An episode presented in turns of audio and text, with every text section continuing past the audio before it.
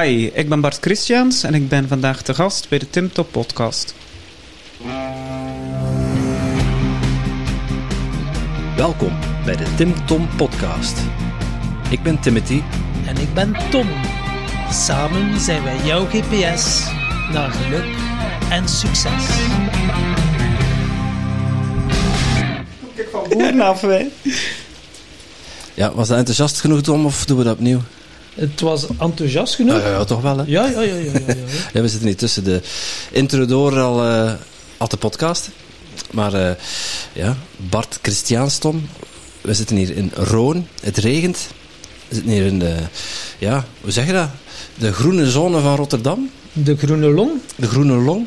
van Rotterdam. En eh, ja, zijn we al, hier eh, terechtgekomen? Ja, met de auto. Maar... door een mailtje. En af en toe hebben we dat, hè. Een mailtje. eh, iemand die zegt, ik, eh, ik doe echt wel iets heel interessants. We krijgen wel meerdere keren zo van die mailtjes. En dan ga ik ook altijd gesprek aan met die mensen. eh, omdat ik dan toch even voelen van, klopt dat wel? Zitten we op de juiste, op dezelfde golflengte? En ik moet zeggen, met Bart had ik instant een klik. En hij dacht, ja, zalig om daar een podcast over te hebben. Want familieopstellingen hebben we nog niet echt ruim eh, ja, besproken. En daar gaat het over. We hebben het wel al een paar keer in een podcast. Els van Stijn wordt dan meestal genoemd. Maar eh, we hebben het aan de lijve mogen ondervinden. Het was jouw eerste ervaring om Dat klopt. eh, familieopstelling. Want ja, we zouden Tim en Tom niet zijn als we niet eh, een leuke win-win afspreken. En eh, zelf ook eens in de ervaring mogen stappen voordat we beginnen podcasten. Ja, Dus eh, we hebben inderdaad een eh, familieopstelling gekregen van, eh, van Bart.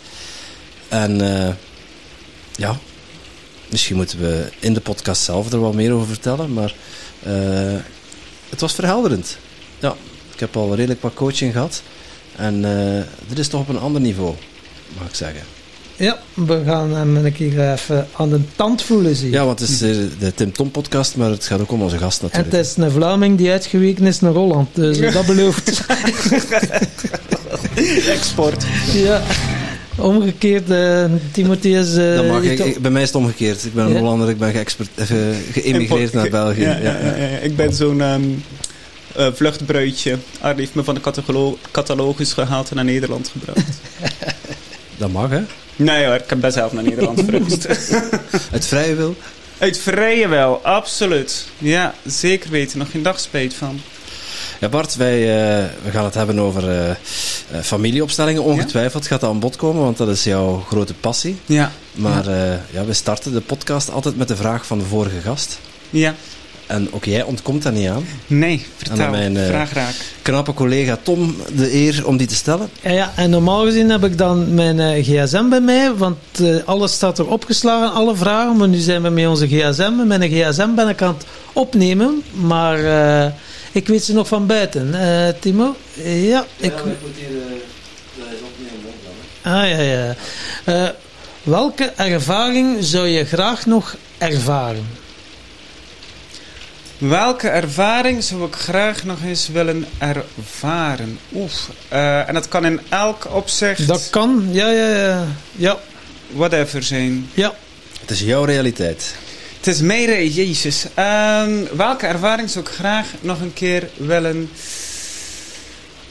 ervaren?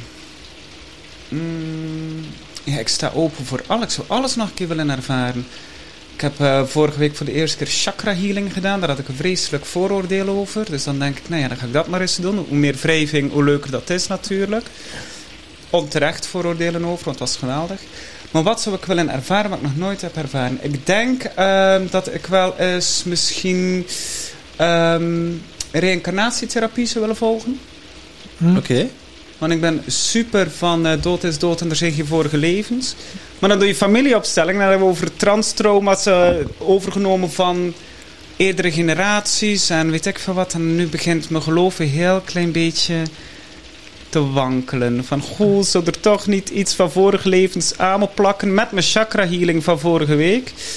Ehm, kwam dat heel erg naar, naar boven. En toen dacht ik, goh, nou ja, misschien moet ik het gewoon maar een keer proberen. Ja. Zonder weerstand is reïncarnatietherapie willen ervaren. Ja, dat is wat, hè. Met die aannames, hè. Waar, dan ze dan, Mm. eh, dat je dan iets over gelezen of zo. En dan neem je dat in jezelf op van dat bestaat niet. Ja. En dan is het precies, ja, je hebt dat besloten en dan is het, En het is zo. het is zo. Het dus is er zo, kan ja. gewoon, dan mogen nog boeken op je pad komen van mensen. Nee, en hoe meer dan ze erover praten, hoe sterker dat jij nog van overtuigd bent dat het niet bestaat. Om Absoluut. toch mal... eh, En je en zoekt naar de bevestiging van je vooroordelen.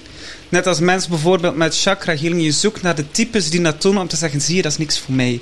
Mensen die lekker bij de wereldwinkel hun outfits halen, die wierook ehm, of naar wierook ruiken, daar is allemaal niks mis geitenwolle sokken dragen. Geitenwolle sokken dragen, eh, die alleen maar praten over hun chakras. Maar er zijn nu echt, er zijn ook zoveel mensen, net als ons, die een bedrijf runnen, die ehm, met hun hoofd in de lucht, maar voetjes op de grond, die ook heel veel met chakra doen. Dus ik had een te eenzijdig, eenzijdige blik over eh, mensen die met chakra healing bezig zijn. Ja, voor mij waren dat ehm zweefteven. ja. Maar best zelf de grootste zweefteef. Dus, dus ehm, ik heb mijn mening bijgesteld. En hoe meer dat ik met familieopstellingen bezig ben, hoe meer dat ik ook ehm, realiseer en besef, mijn wereld denk ik. Hè? Ja. Je Ik denkt geef- je wereld. Ja, je denkt je wereld. Mijn wereld denk ik en ik denk mijn wereld. Ik geef met mijn denken, plak ik een waarde op mijn leven, maar ook op mensen. En hoe snel dat we een oordeel hebben ehm, over mensen om wat ze doen en niet om wat ze zijn. En dat heb ik wel ondertussen geleerd. Heb geen oordeel over de mens, enkel over wat hij doet. Want dat komt ergens vandaan. Echt, dus dat oordeelloos zijn. Ja, dat is... eh, Nee hoor, je mag oordelen hebben zoveel of dat je wil. Alleen plak het niet aan een identiteit, maar plak het aan een daad. Mm. mhm. Dus stel, je geeft mij een klap in mijn gezicht. Ja. Ja, ik heb daar een oordeel over. Ik zeg nu, oh, ehm, ik voel me hier neutraal in. Nee, ik heb een oordeel over, dat mag niet. Maar ik heb geen oordeel over jou die een klap aan mij geeft. Maar wel over het gedrag. Maar wel over het gedrag. Het Ja. feit dat je mij een klap geeft, komt ergens vandaan. Ik ben boos op mij, ik heb wat getriggerd in jou en dan gaan we het gesprek aan. Maar het eerste waar ik het gesprek mee zou beginnen is, joh, ik wil dat je me nooit meer slaat. Want dat wil ik niet. Daar heb ik een oordeel over. Maar ik heb geen oordeel over jou als mens. Wel over wat je doet. Ah, dit vraagt al next level inzicht, eh, Bart. en dan zijn we gewoon gewoon naar babbels. Ja, ja, ja. Zo, zo ben je niet geboren, denk ik. Ja. Nee, nou, eh, nee, nee, zo ben ik niet geboren. Ik kom uit een eh, liefdevol, dat wel, eh, mooi hardwerkend gezin. Ik kom uit een slagersgezin. Met- Allemaal zangers. Hm? Allemaal zangers, Nee. slagergezin. Ze moesten niet zo gaan nu. Oh my god, het is veel, echt veel te laat. Als ze dit terug, als ze dit terug luisteren, dan ze je aan de naak zitten, Tom. Ja, ja, ja. Ja, ja, ja, ja, ja, je wordt uitgebeend, hè. Eh, een slagersgezin. Ehm, ook van de ouders van mijn vader waren ook ehm, slagers. De ouders van mijn moeder waren bakkers. Dus ik kom echt uit het typische West-Vlaamse, hardwerkende, zelfstandig ondernemers. Ooit, ooit uit de boerenfamilie. Dus ehm, als je daar wil zeggen, voetjes op de grond, hard werken voor je centjes. Absoluut. Dat zijn allemaal ambachten ook, als ik het zo hoor. hè? Ja, allemaal, komen allemaal uit de ambachtsfamilie. en ehm, mijn ouders vonden het wel belangrijk dat ik ging studeren. En dat ik eh, diploma zou halen, zeker omdat ze in de lagere school al hadden gezegd, die jongen moet lekker Latijn gaan doen. Eh, zet je op de HSO en dat is met twee vingers in zijn neus. Nou, ik heb de concentratieboog van een ui. Dus dat, eh, nee hoor, als ik aan mijn broodje zag, heb ik alles buiten gezien, maar niks op het blad. Wat dat ze nu labelen als ADD, ADHD, concentratiestoornis en whatever, was ik gewoon een bijzonder jongetje. Maar goed, ik heb netjes mijn Latijn afgemaakt. Ehm, maar de passie was groter om te gaan dansen. En in mijn laatste jaar van de ASO heb ik auditie gedaan in Tilburg, Nederland. Eh, bij de Dansacademie. Aangenomen. En van eigenlijk met 12 jaar dacht ik, ik word verpleegkundige. Werd ik opeens klassiek balletdanser en docent. En heb ik jaren eerst gedanst. Was, dat- eh, was dat ook jouw droom om, om te gaan dansen? Want je Ik wordt heb dan niet, je wordt dan niet zomaar balletdansen, dat neem ik aan. Nee, nee, nee. Ik heb altijd heel graag gedanst. Al vanaf mijn eh 12 jaar ging ik elke vrije dagen dat ik had, waar ik niet naar school moest, zat ik in mijn dansschool. Dat was mijn leven. Dat was echt mijn leven. Dat was voor mij die kleine momenten. Ik was een heel bijzonder kunstzinnig, fantasievol jongetje. Ehm, en dat was voor mij de momenten dat ik echt mezelf kon zijn. Dat ik mezelf kon verliezen, dat ik mijn emoties kon verliezen. Dat ik eh, mezelf kon laten zien voor wie dat ik ben en dat ik niet gek was. En mijn hele fantasie werd geprikkeld door dat dansen en theater en kostuums. Dat was mijn wereld. Daar hoefde ik me niet te doen alsof ik iets anders was of ben. Dus die passie zat er 100% in. 100%. En dan, heb je, dan heb je het geluk en het talent om aangenomen te worden op de, de dansacademie. Ja, ja. En toen ben je professioneel danser geworden. Toen ben ik professioneel danser geworden. Ja, dat was grappig. Voorspelbaar wel, hè? Hm? Voorspelbaar. Ja, hè? Ja, en volgens het boekje heb ik geleefd tot nu toe. Ehm, Het is niet iedereen gegeven, hè? het is niet iedereen gegeven. Laat ik eerst zeggen, buiten het feit dat ik er een hele grote passie voor had, had ik ook een heel makkelijk lichaam. Dus ik ben hypermobiel, heel lenig. Dat hielp al. Je bent een jongen. Veel meer meiden willen die droom van ballerina. En er zijn minder jongens die dat ehm, nastreven. Dus als jongen had je al een klein beetje een streepje voor. Ik was ook de enige jongen van de klas in Tilburg. Met een heel makkelijk lichaam, een enorme drive, eh, potentie. Dus ehm, ja, zo eh, toch, eigenlijk was het een folietje. Eigenlijk had ik gezegd, nou, ik wil het toch gewoon een keer geprobeerd in mijn leven. Wat is dat, een auditie voor een echte dansacademie? Had er wel wat van gehoord. Het was meer, ik wou het als ervaring. En iedereen stom verbaasd dat ik aangenomen was. Dus ik was 17 en opeens ehm, ben ik verhuisd naar Nederland. Ja, veilige nest verlaten en eh, Bart, ga maar lekker dansen. En was het dan ook, wel, je benoemde het zelf al eh, heel mooi plastisch, zweefteef. Ja. Was, wist je toen al van, oei, ik val op jongens. En ik kan me dan wel voorstellen, als je dan uit West-Vlaanderen bent, dat dat dan toch op een andere manier wordt bekeken dan in een stad. Of zo. Maar tuurlijk. In Brugge was ik de only gay in the village. Ja. Totaal geen herkenning. ehm, of ik kon met dat gevoel nergens echt terecht bij klasgenootjes of whatever. Ik kende niet echt iemand van mijn leeftijd die ook homoseksueel was. Ook niet in mijn klas. Ook niet in mijn vriendengroep. Dus er zat een grote eenzaamheid. En ook toen nog, eh, alhoewel ik nog niet zo oud is, laten we dat even duidelijk maken. Ehm, maar toen zat er nog een heel groot taboe op. Ik kan me nog goed herinneren, wij waren op mijn middelbare school en er kwam iemand spreken over zijn homoseksualiteit. Want onze school was progressief en eh, iedereen inclusiviteit, bla bla bla. En er kwam iemand eh, over homoseksualiteit praten over zijn leven en hij vertelde zijn levensverhaal dat zijn moeder, toen zij uit de kast kwam, naar een ehm, psychische instelling moest. Ja. Zijn moeder moest naar een... Nee, nee, moest- van zijn eh, moeder. omdat hij- ja, denk ik, ja, dan thuis. maar die, eh die kastdeur maar goed eh, dicht en weer op slot, want dat wil ik ook niet. En mijn vader had, zei altijd, en mijn moeder ook overigens, zei altijd, maakt me niet uit waarmee dat je naar huis komt. Als het maar liefde is, hè.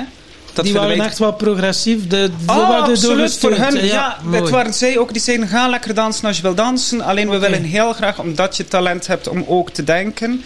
En het denkvermogen hebt om Latijn te doen. Ga ook Latijn doen. Het zal een groot cadeau zijn in je leven. Danst je hele middelbare school wat dat je wil. Als je daar ooit later iets mee wil doen, mag dat na het middelbaar.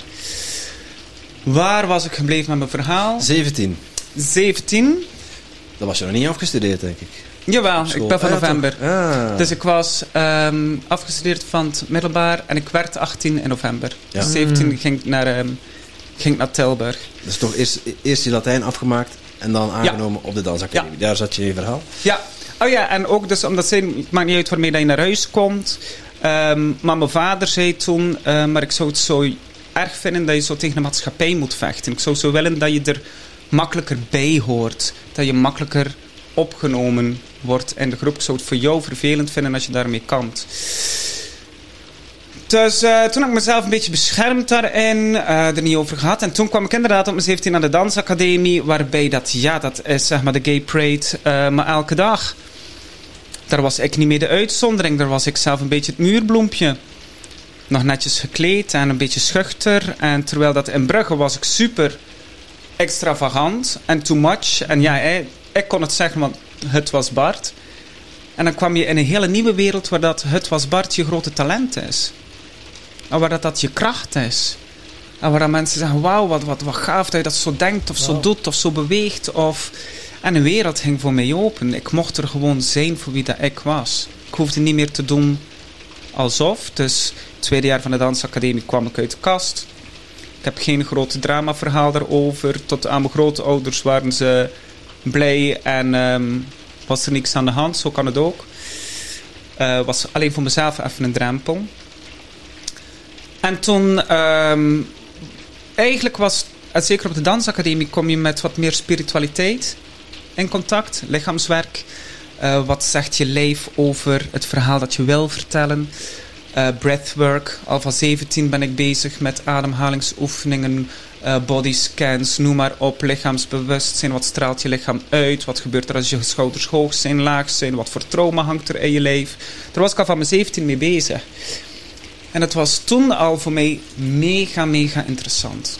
Echt heel interessant. En toen wist ik, oh, maar ik ga een hele andere kant op dan het systeem waar ik vandaan kom. Ik ga zo de andere kant op. En nu was ik al een bijzonder jongetje hoor, die altijd de andere kant op ging. Maar toen wist ik, there's no way back bitches. Nu ga ik uh, het echt anders doen. En toen heb ik ook daar weer geluk gehad, auditie gedaan voor een hele grote danscompagnie in Amsterdam. Die heette toen het Internationaal Danstheater. Um, werd ik aangenomen. En daarmee ook hele gave dingen mogen doen. Naar Brazilië geweest. Was super gaaf. Heel Nederland-België in theaters gestaan. En um, tot ongeveer mijn 28 full, fulltime um, mogen dansen. Wauw. Ja. En dan om de duur, ja, je, je zei het al in de voorbespreking, ja, de Mm. meeste dansers, een pensioen begint op een 30. Ja, je pensioen begint op je 30. Ehm, ik weet nog dat ik de laatste keer, ehm, mijn laatste productie was niet meer bij het Internationaal Danstheater. Dat was dan weer in een ehm, dansgezelschap in Den Haag. Eh, klassiek balletstuk, de notenkraker was dat. En ik zat in de spiegel te kijken en mijn collega's waren 17. Nieuwe aan was. waren 17 jaar. En eh, we waren bezig met ons haar en make-up te doen. En al eentje kwam er naar mij om te zeggen: Oh, ik hoop als ik jouw leeftijd heb dat ik ook nog steeds zo goed kan dansen. En ik denk: Wat de fuck? Brutale. Mijn 28, ik was iets van 28, zoiets. Echt, ik was opa. Ik denk: Wat gaan we nou krijgen met jou? Hoi back. Ehm, dus daar was ik al een beetje van geschrokken. En plus, het is gewoon heel erg met ehm, oogkleppen op. Ik had toen al mijn man leren kennen. Uh, maar je offert heel veel op voor een danscarrière. Het is heel veel avondwerk. Iemand met een prachtige naam, dat mag ook gezegd worden. Ans Arneke, ja, Ar Arne. Um, dus ik had al een relatie, um, wat de goede kant op ging. Uh, maar dansen is gewoon oogkleppen op. Dat is heel veel repeteren. S'avonds in dat theater staan. Op de momenten dat iedereen vrij is, ben jij aan het werk. Je vraagt heel veel van je lichaam. Heel veel. Dus als je al thuis bent, ben je lang blij dat je plat kan. Um, en toen, oh, het is echt um, topsport, hè? Ja, het is topsport. Het is gewoon echt topsport. Ik danste van kwart voor negen tot vier uur. Dat waren mijn gewone werkdagen en dat stond los van de theatertours. Wow. Dus het kon nog zijn dat we um, ook het theater en de theatertours waren dan nog langere dagen. Want dan moest je bijvoorbeeld uh, de bus in Amsterdam, moest je naar Groningen, deed je ding van Groningen terug. En zo deed ik een 130 shows in een jaar. Ja, het is echt wel labeur, zoals ze ons zeggen. Het ja. is gewoon hard werken. Maar kijk, nogmaals, zoals ik zeg, ik kom uit de slagersfamilie. Ik ben hard werken gewend van zien. En ik hou van hard werken. Als het je passie is, als je drive is, als je flow is. En mijn gevoel heb ik van mijn leven nog nooit echt hoeven te werken. Ben ik altijd met mijn passie bezig geweest. Tot het ook dat te veel Ik hoor de mensen denken, jij chansard. Ja, ja, tot het ook te veel wordt. Totdat je al, doe je het met je hart en met je ziel allemaal. Het was zelf dat ik naast, um, op het einde naast mijn um, dansen overdag, s'avonds na dansles ging geven. Oké. Okay. Ja, dat was dan nog van 7 tot 10 uur s'avonds. Gaf ik ook nog je dansles. Was dat dan ook omdat je dan dacht van oké, okay, als ik dan stop met dansen, heb ik toch weer mijn broodwinning. Zoals exact. voetballers zeggen, ja, dan word ik voetbalcoach of zo. Om toch in die soort comfortzone, die veilige omgeving te blijven. Exact. En ik had um, in het begin een vast contract, of geen vast een jaarcontracten tekende ik. Op het einde alleen nog maar drie maanden, vier maanden, zes maanden productiecontracten. Even kijken hoe lang dat een, dat, uh, dat een Bart het nog volhoudt. Ja. Nou ja, nee, het is gewoon zoals danser. Je doet auditie voor een productie. En bijvoorbeeld de Notenkraker, dat was een winterproductie. De Notenkraker zie je niet in juli, want dan denk je ook, nou, dat slaat ook helemaal nergens op. Dus dan had ik mijn werk voor ehm, repetities begonnen oktober, november, december, half januari. Had ik die klus.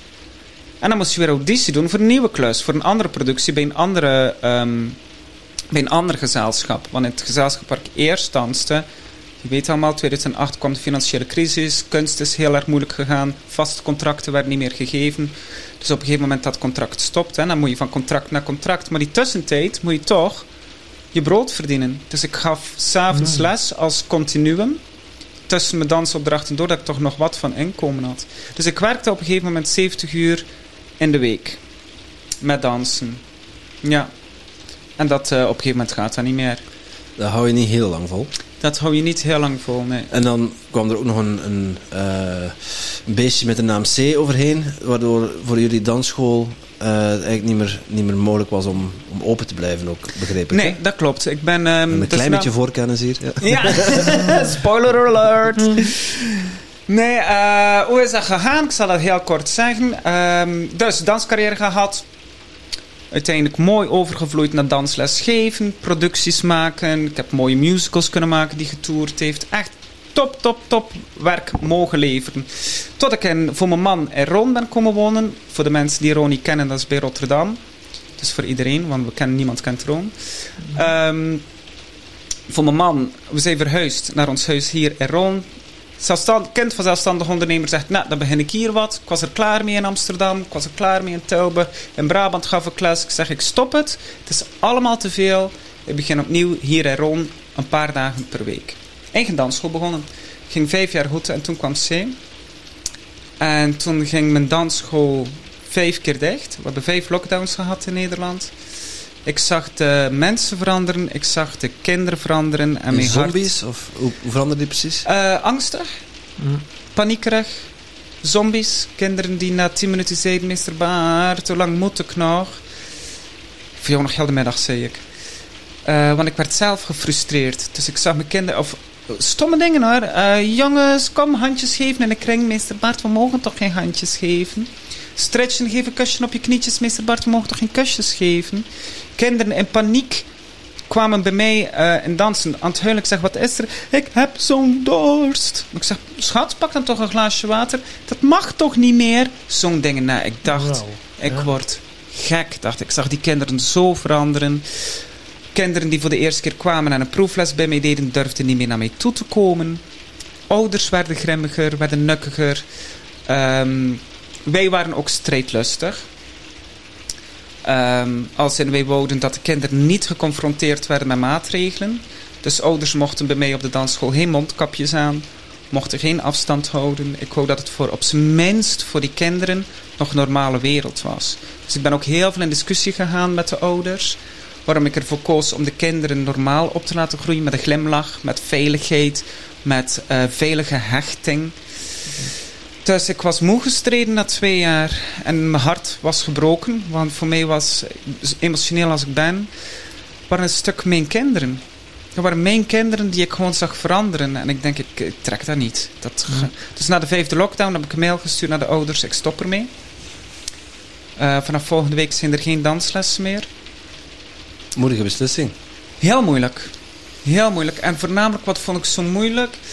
Want tussen de lockdowns door, overigens, mochten we ook niet binnen dansles geven. Ik heb eh, twee jaar buiten dansles gegeven. Op de speelplaats. Hm. In een regenjasje. In Goh. februari met mijn thermo-ondergoed aan. Zo graag wou ik voor die kinderen strijden dat ze op zijn minst nog hun passie konden doen. Omdat ik wist wat het voor mij als kind was om te kunnen dansen. Ik wou dat die kinderen gewoon konden blijven functioneren in een wereld die voor mij helemaal gek was geworden. Voor mij waren ze helemaal gek geworden. En ik snapte me er niet aan. Dus ik dacht, oké, ik ga hier strijden voor die kinderen. Ik ga hun geven wat ze nodig hebben. En dat is vrijheid en expressiviteit en nabijheid en passie. En plezier vooral, ja. Hm? Eh, Dansen, En- een plezier. Ja. Ja, en plezier, vooral dat, weet je. Laat de grote mensen maar de grote mensen zijn. Kleintjes hoeven zich daar niet mee te moeien. Kom, wij hebben gewoon plezier. Dus in ons thermo ondergoed in februari, in de sneeuw, hop op die speelplaats.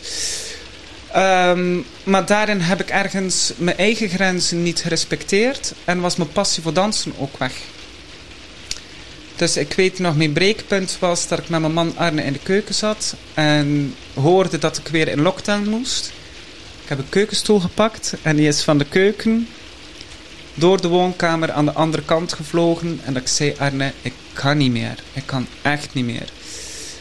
En ehm, toen zei Arne, schat, je stopt nu de dansschool. Ik ga werken voor ons en jij gaat ehm, jezelf weer ehm, laten helen. Ik werkte toen naast de dansschool al part-time als familieopsteller.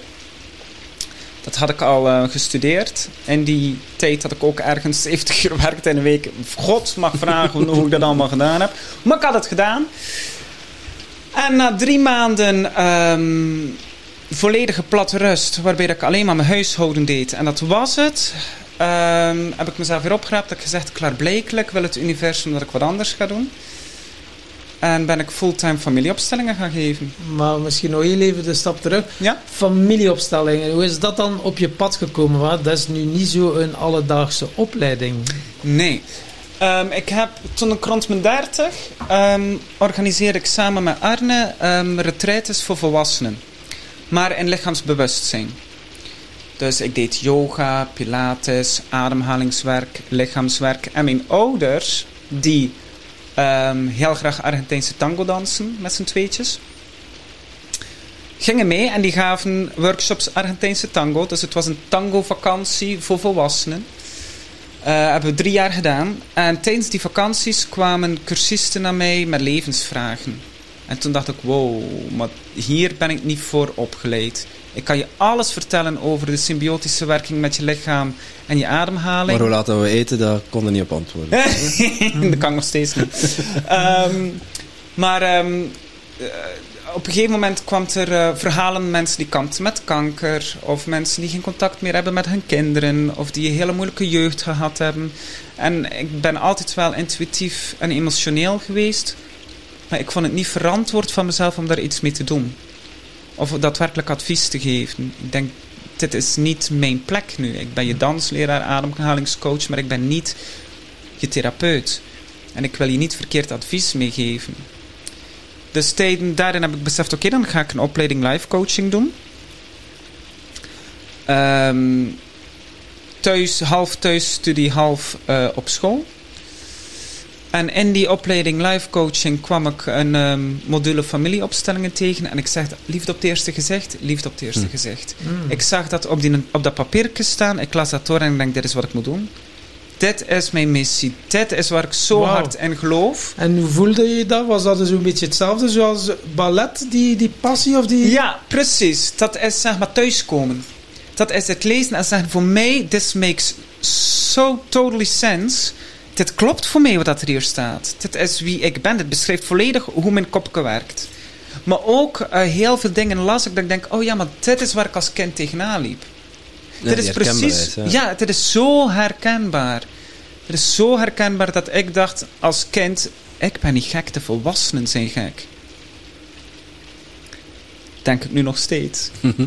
Het zijn niet de kinderen die gek zijn, het zijn de volwassenen die gek zijn. Uh, en familieopstelling heeft me heel erg geleerd in eerste instantie om te vertrouwen op wat ik denk.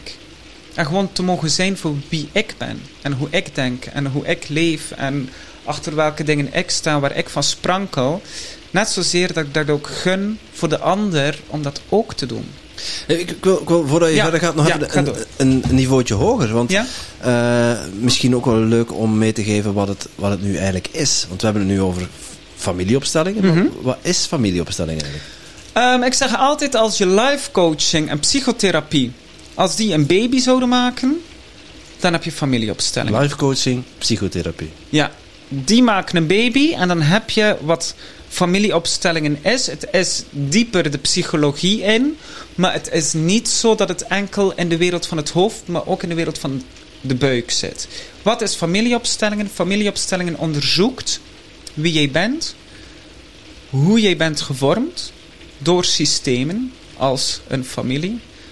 Wat heb je daarvan meegenomen in je volwassen leven wat niet bij jouw ware identiteit hoort?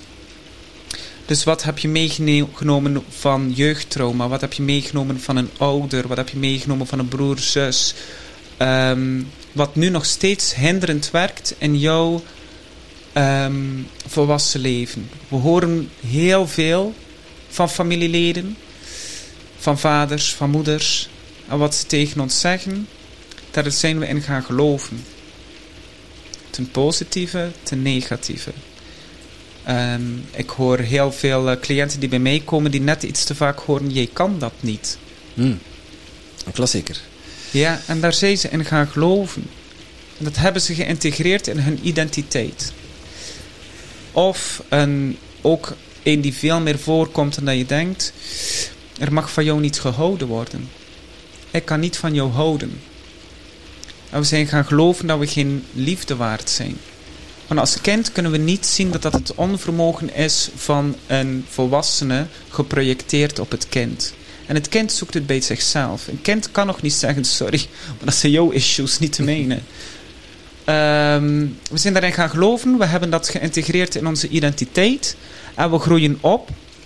En we kunnen het onderscheid niet meer maken van wie wat is.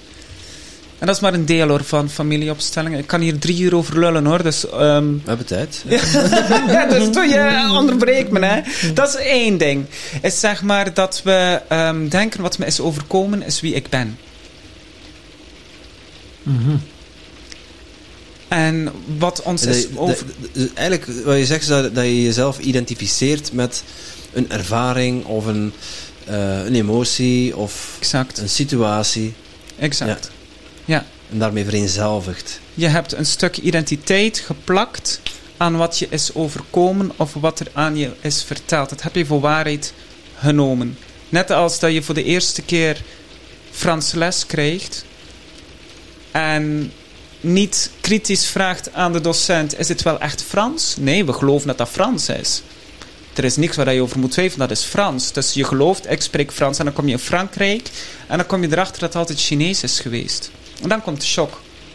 Hetzelfde met ons als kind. Wat volwassenen tegen ons zeggen, daar geloven we daadwerkelijk in. En dan komen we in een andere situatie in ons leven, wat dat heel vaak gebeurt is als mannen, vrouwen, vader, moeder worden. Opeens worden ze geconfronteerd met en wat het is om kind te zijn, maar ook wat het is om een ouder te zijn. En opeens neem je dat mee en denk je, fuck, ik heb dingen meegemaakt die niet oké zijn, waar ik in ben gaan geloven. En daar een identiteit aan heb gekleefd. En dat is dat ene stuk familieopstellingen.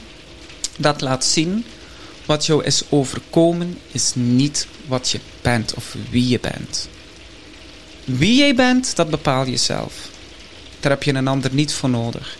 Als jij morgen zegt: Ik ben het waard om van gehouden te worden, ik mag liefde ontvangen en ik mag liefde geven, dan kan je dat morgen gewoon doen. Dat kan, want je bent een volwassen man. Je kan doen wat je wil. Ja, Je bent geen kind meer. ja, jij bent de enigste die die beslissing kan nemen. Ja. Alleen, er zit een blokkade in, waardoor dat, dat gewoon maar steeds niet lukt. En dat is waar familieopstellingen ehm, bij komt kijken. Die laat zien, waar wringt het dat je bepaalde dingen niet kan? Waarin ben jij als kind nog altijd bevroren? Welk stuk kind in jou is nog niet doorontwikkeld en volwassen geworden? En mag de ruimte krijgen om gezien te worden? Zodat, het, ehm, zodat je vrij door het leven kan. Dat is het eerste stukje familieopstellingen. En het andere stukje familieopstellingen is ook eens kijken of dat je altijd jezelf hebt kunnen zijn in een systeem. Zeer kort door de bocht ehm, zie ik mezelf als familieopsteller als een voetbalcoach. En ik teken op mijn bord waar mijn spelers moeten staan.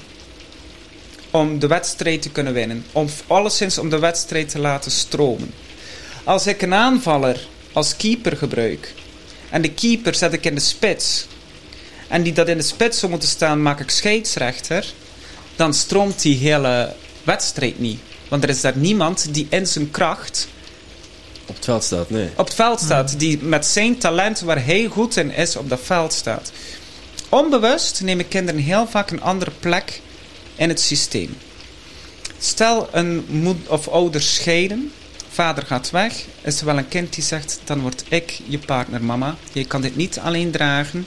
Ik neem de plek in van vader. Ik word over ongerust op jou. Of omgekeerd, de moeder eist de plek van het kind op en maakt van haar kind haar partner. Geeft te veel verantwoordelijkheden aan het kind als er een afwezige vader is, fysiek, emotioneel. Ook bijvoorbeeld bij ziekte. Als er iemand in het gezin heel erg ziek wordt of veel meer aandacht nodig heeft, dan kan het zomaar zijn dat een van de kinderen over verantwoordelijk wordt. Of niet genoeg aandacht meer krijgt in het gezin als kind. Maar die zegt, jij bent gezond, die is ziek, die krijgt meer aandacht. En het kind wordt medepartner van de ouders, gaat op dezelfde lijn van de ouders staan. Dat is een spits en het doel zetten. Dat is niet in je kracht staan, dat is niet in je talenten staan. En dan gaat het niet meer stromen. En dan zijn er uh, verstrekkingen. Dan um, speelt niet iedereen een, de juiste rol in het systeem. Een kind is altijd het kind, het ouder is altijd de ouder, wat er ook gebeurt. Um, en dat is ook een deel van familieopstellingen. Um, zet ik de spelers neer om te kijken hoe ervaar je jouw systeem. Sta je daadwerkelijk op je kind zijn? Heb je kind mogen zijn in jouw gezin? En als dat niet het geval is geweest, dan is er altijd een wrangend gevoel in jezelf. Ik ben niet mezelf. Ik ben niet ik. Ik ben hier iemand anders. Of de rol van iemand. Het wringt, het kriebelt, het klopt niet helemaal. En met familieopstellingen kijken we, ben jij wel op je plek waar je zou moeten staan binnen jouw systeem van herkomst. Dus dat is ook een groot deel van familieopstellingen. Mooi. Want je sprak inderdaad van het uh, bevroren, hè, wat het er al heel kort. Ja. Dus bevroren is eigenlijk, je hebt wat mechanismen om uh, ja, ergens van weg te lopen of iets niet te willen voelen. Ja. Hè, want je had, dan, uh, je had het over bevriezen en vechten en vluchten. Ja. En wat dat mij bijgebleven was, dat jij ook aan, bij vechten koppelde uh, mensen die altijd klagen of slachtoffer, ja. dat, dat dat ook vechten is. Ja, dat vond ik, dat, zo had ik het nog niet geïnterpreteerd of zo had ik het ook nog nooit gehoord, maar dat deed mij wel nadenken. Wauw, ja, dat is ook een manier van vechten uiteindelijk. Kan je daar wat meer over vertellen? Tuurlijk. Ja. Waar je het uh, over vertelt, is zeg maar je beschermingsmechanismes je copingmechanismes om jezelf niet te verliezen in uh, heftige emoties. Um, en dat kan je doen door wat we dus hebben, vechten. En vechten is niet meer dan um, agressief gedrag inzetten. En mensen denken meteen, oh ja, dat zijn dan de schelders en dat zijn dan de mensen die slaan. Maar inderdaad, ik noem ze de wee mee.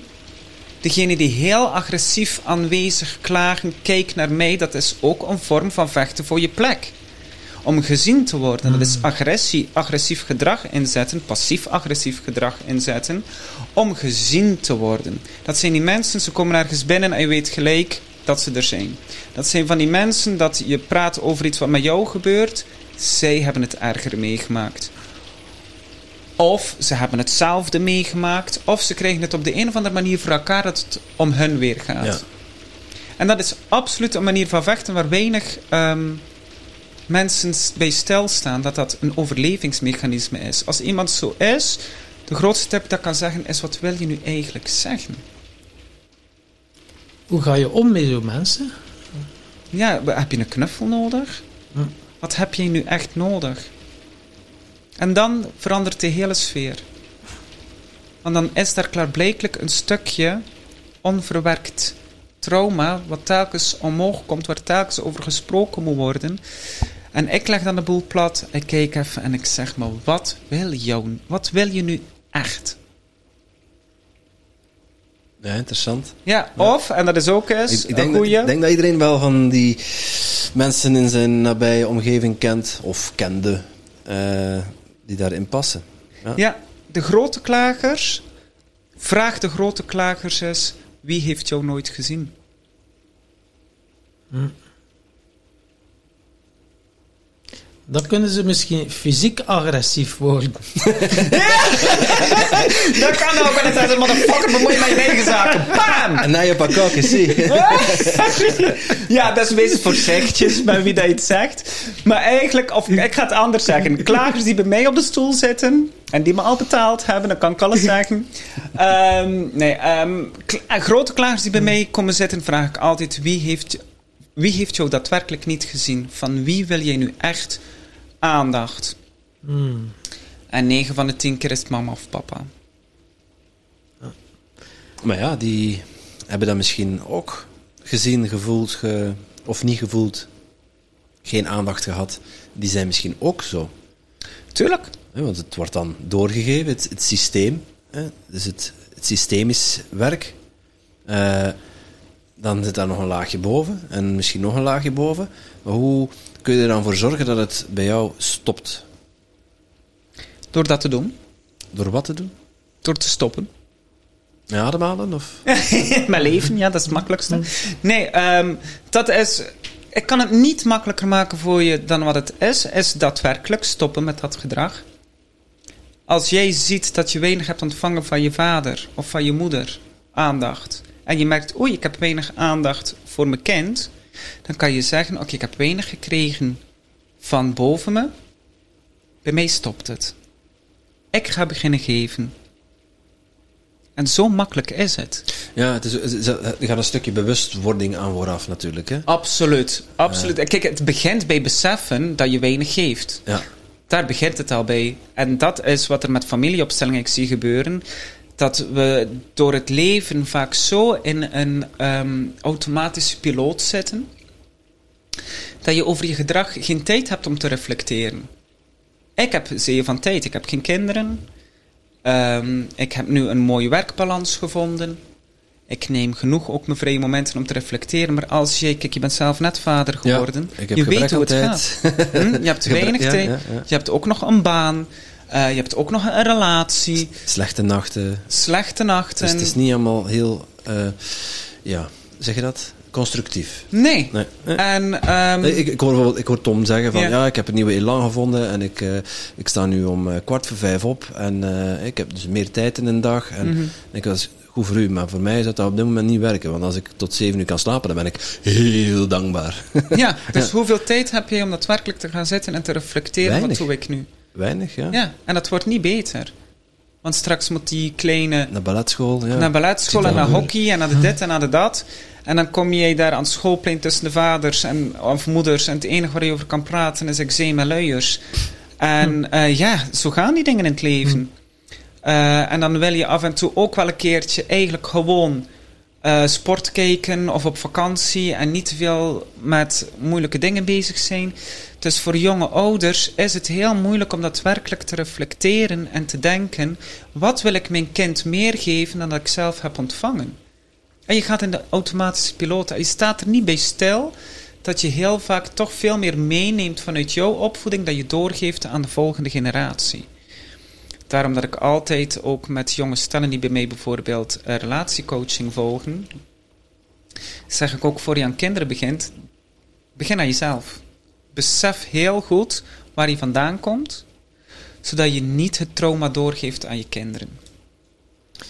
Ja, dat is heel mooi, want vechten, die ken ik minder zo van dat klaar, maar dan ja, kwam ook vluchten. Ja. Eh, Ja. dit is natuurlijk Daar wel... eh, die, ervaring die in. hakt Kom ik erin even- bij jou, de Daar ben ik vluchten. wel eh, vrij expert in. Eh, Ja. Dat heb ik wel gemasterd. Dan, eh, Ja. Drank, drugs en andere verslavingsjes Rock die dan ook eh, de revue zijn geplaceerd, Ja, eh, gepasseerd. Gepasseerd, ja. Dus dat, is, eh, dat kan je zetten onder de noemer vluchten. Ja. we zijn, wat zijn er nog? Dus dan heb ik het over verslavingen. Wat kan nog als vluchten gezien worden? Dat is, vluchten kan ook. Ik was bijvoorbeeld ehm, heel creatief Ik had van mijn ouders een verkleedkoffer gekregen. En als ik me niet goed in mijn velletje voelde, dan ging ik naar mijn verkleedkoffer. En dan maakte ik mijn eigen realiteit. Eh, het zijn ook kinderen die in boeken duiken, Harry Potter verslaafden, weet je wel. Dat je echt een andere realiteit ehm, mag ervaren. Is ook een manier van vluchten als kind. Tekenen. Heel veel creatieve kinderen zijn vluchters. Vormen hun eigen ehm, realiteit. Dagdromers, eh, wegdrijven. Ehm, ook daadwerkelijk weglopen. Ehm, ik weet dat ik ooit eens van een eh, leraar een klap in mijn gezicht heb gekregen. En ik kwam thuis en ik verstopte me onder het bureau van mijn vader. Dat is ook een manier van vluchten. Ja, en bijvoorbeeld de mensen die dan zo...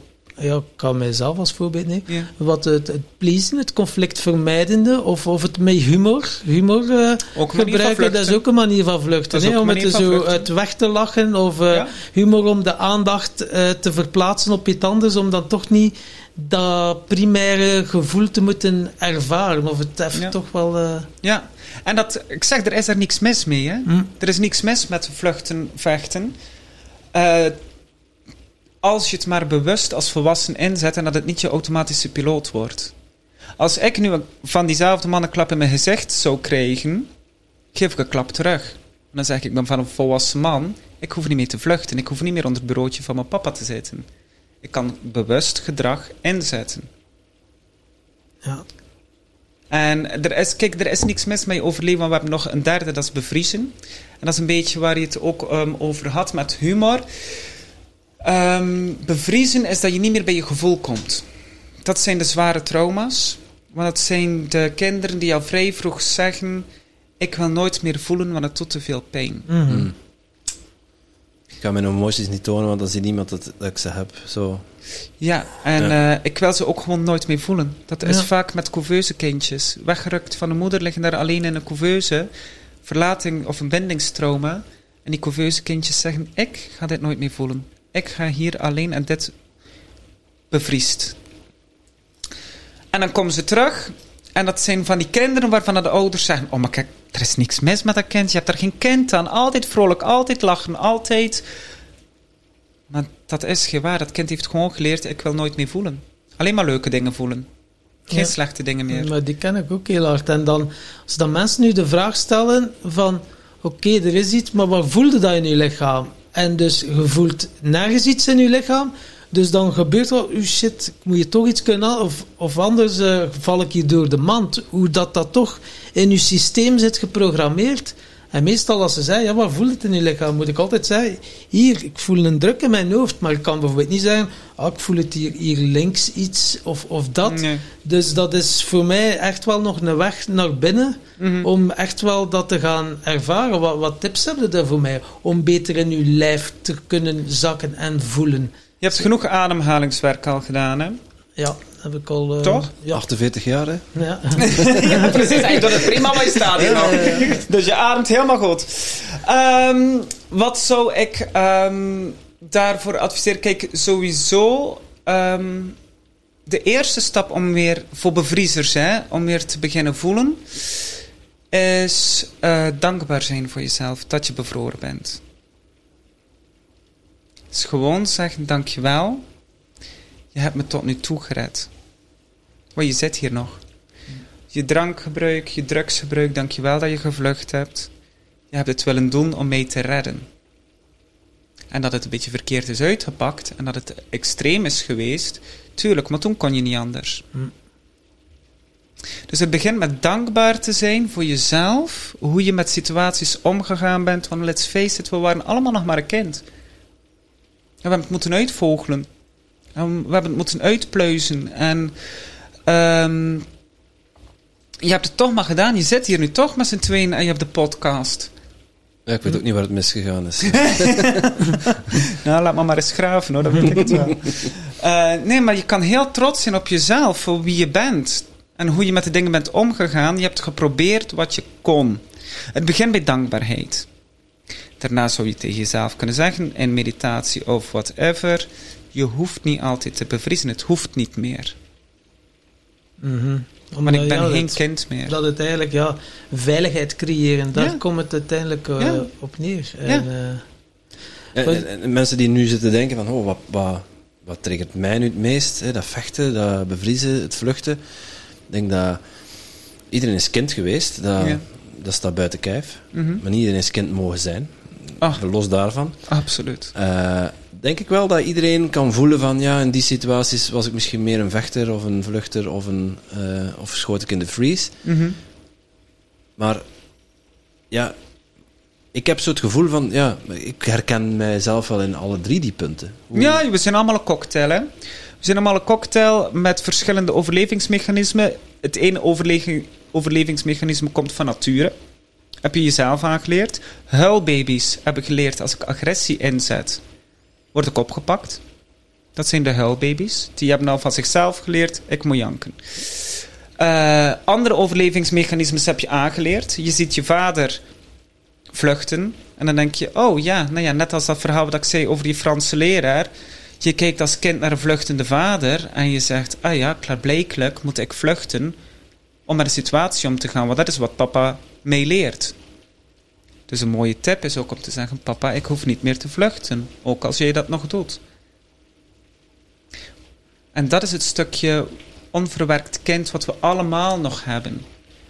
En wat gezien mag worden, wat geheeld mag worden en wat ze weg mag vinden naar volwassen leven. En een volwassen leven is volledig vrij. Dan heb je zelf de keuzes om te zijn en te doen wat je wil en wie je bent. Het woord Zo zegt het, volwassen. Hè? Ja. Hm, Ja, er is niemand die wat in de weg staat. En Bij jou is het dan inderdaad wel die familieopstellingen, maar Ja. jij zoomt iets meer of, of de nadruk, zoals, ik het, zoals we het hier hebben mogen ervaren, Ja. dat je echt wel met het innerlijk kindje werkt. Ja, mijn, eh, mijn dada is echt het innerlijke kind. Daar hebben eh, mijn man, die is filosoof, eh, en ik onze eigen methode op basis van familieopstellingen ontwikkeld. Ehm, waarbij dat ehm, Rupert is iemand die vroeger ook familieopstellingen gedaan heeft, is daar eigenlijk mee begonnen met de af, opsplitsing van de psyche. Als er iets met je gebeurt. Hij zei, dan heb je een overlevingsdeel, een emotionele deel en een gelukkig deel. Eh, mijn mentor Jan Velsen heeft dat doorontwikkeld naar een gemaskerd kind, een gelukkig kind en een ehm, emotioneel kind. Maar ik voelde al met Arne, want Arne en ik doen maandelijks eh, workshops, familieopstellingen met een grote groep. En Arne zei de laatste keer dat we de workshop hadden, zei Bart, die innerlijke kindopstelling, man, daar, er schuurt iets. We missen een kind. Ik zeg, ja, ik voel dat precies ook. We missen een deel en dat gemaskerd dat alles overkoepelend is. En door filosoferen, doorpraten, doorontwikkelen. En toen dacht ik, verrek, ja, we missen een kind. En dat is het adaptieve kind. En dat adaptieve kind is het kind die zich feilloos aanpast aan het we-go. Je hebt je ego, Ja. wie ik ben. Het we-go is wat willen wij in de groep. Het wij, het, het wij ja, de, wat we de maatschappij noemen, het men. Ja, men, het wij-go. Het ego van het wij. Men zegt, Men zegt, men vindt. En dat is niet altijd verkeerd, hè.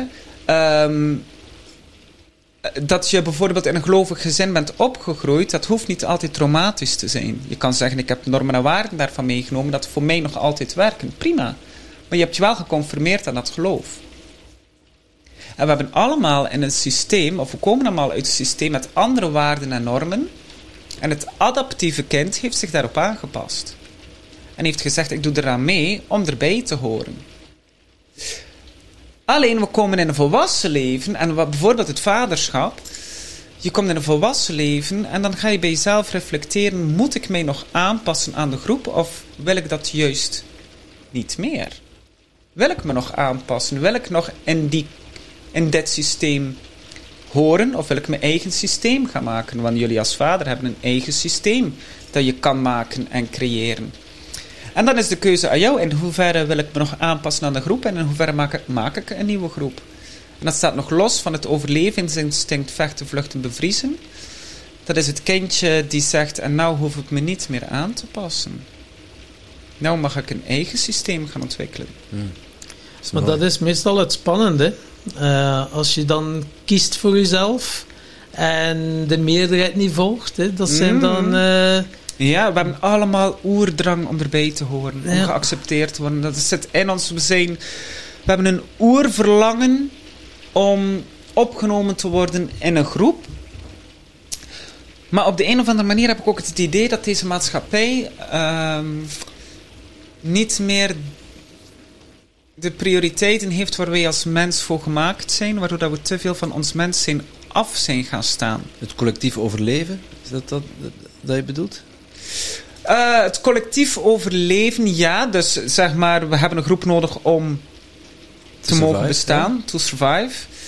Eh, ik denk dat dat ook nog altijd zo is, emotioneel. Door laat een kind emotioneel verwaarlozen, het overleeft niet. Alleen ik denk dat we in het collectief de verkeerde waarden hebben nagestreefd, momenteel. En dat het nu echt systeem in verval is, want hoe meer wetten en regeltjes dan ze aan het uitvinden zijn, aan het uitvaarden, dat betekent dat het onomkeerbaar is. Dat het die... Absoluut. En hoe meer dat we van onszelf weg eh, aan het wandelen zijn. We zijn liefdevolle, sociale, aanhankelijke wezens. Ga nu nog een keertje eh, op de bus wachten en kijk eens hoeveel verbinding dan er nog is. Dat er nog is met die Ja, telefoon. de, de wifi is goed, hè? Ja, precies. Precies.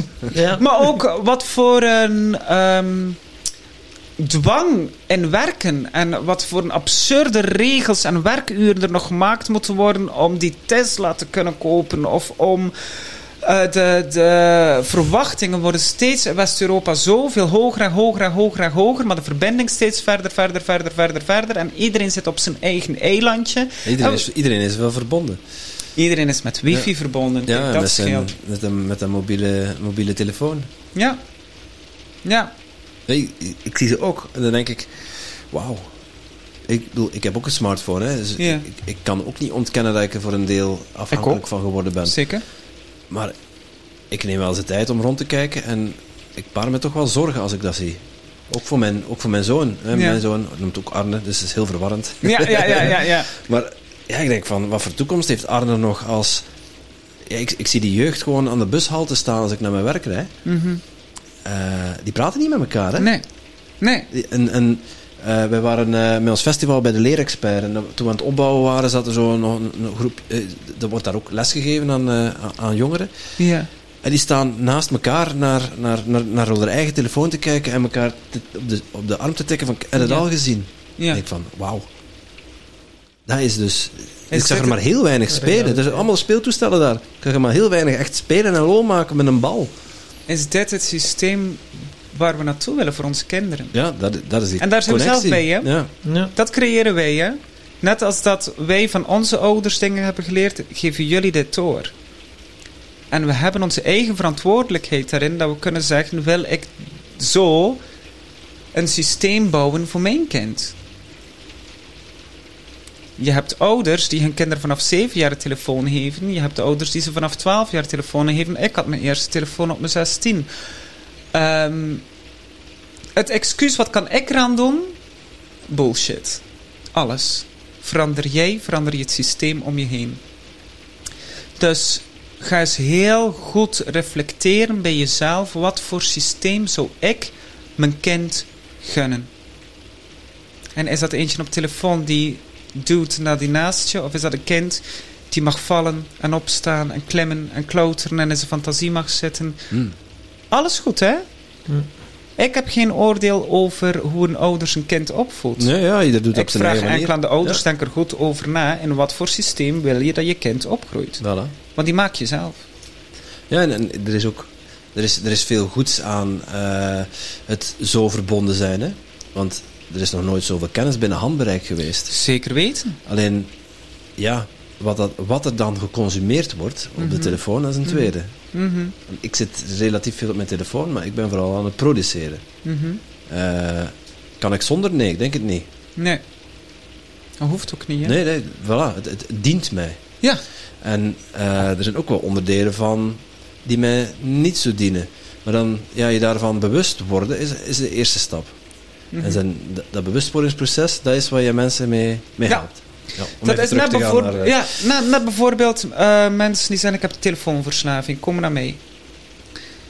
Ehm, en dan gaan we onderzoeken wat is het nou precies dat je verslaafd bent aan die telefoon. Vind ik een mooi voorbeeld. Nou, dan heb je bijvoorbeeld kinderen die FOMO hebben gehad. Heel toevallig, toevallig, of niet heel toevallig, heel frappant, heel vaak eh, het jongste kind van het gezin. Eh, die het meest last heeft van FOMO. Eh, voor sommige mensen die het niet kennen. oh, FOMO, fear of missing ja. out. Dus eh, bang zijn de boot gemist te hebben, er niet bij te horen. Het feestje gemist te hebben. Ehm, bijvoorbeeld, ik kom uit een gezin van drie. Mijn zus en ik zijn heel dicht naar elkaar gekomen. Wij gingen samen uit. En mijn broertje, die bleef achter thuis. En die zag ons weggaan en hij zat met mijn ouders thuis. Ik denk van Mhm. ons drie dat hij qua binding het moeilijkst gehad heeft van de drie. En ik ben ook niet zo'n hele leuke broer geweest voor hem. Dus als hij dat hoort, sorry. Ehm, ik was vooral met mezelf bezig toen. Ehm, en mensen met dus die FOMO, die kunnen, zijn heel gevoelig aan die telefoon om iets gemist te hebben, iets niet gezien te hebben, er niet bij te horen. Dus die zitten constant op de telefoon te kijken eh, en worden geprikkeld om eh, betrokken te zijn bij iemands leven, bijvoorbeeld. Want als je nagaat met die telefoon, waar slaat het op? Niks. Ja, Ja.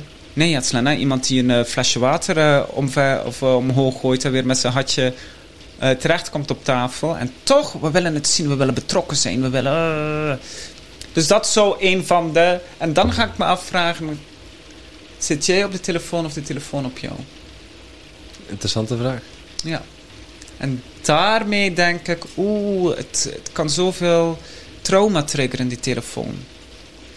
En ook, eh, ik bedoel, daar is natuurlijk genoeg over gezegd en gesproken, maar het nastreven van het ideale leven is ook heel traumatisch voor mensen die denken, die heeft dat wel en ik niet. Die heeft die fantastische vakantie, auto, kleding, whatever, en ik niet.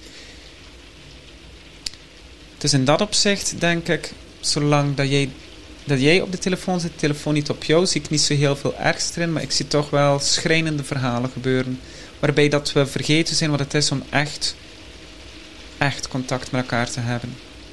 Ik ga maar eens proberen nog een keer in iemands ogen te kijken. Ja, er wordt er al bijna eng van. Ja, het Ja. wordt al veel te confronterend.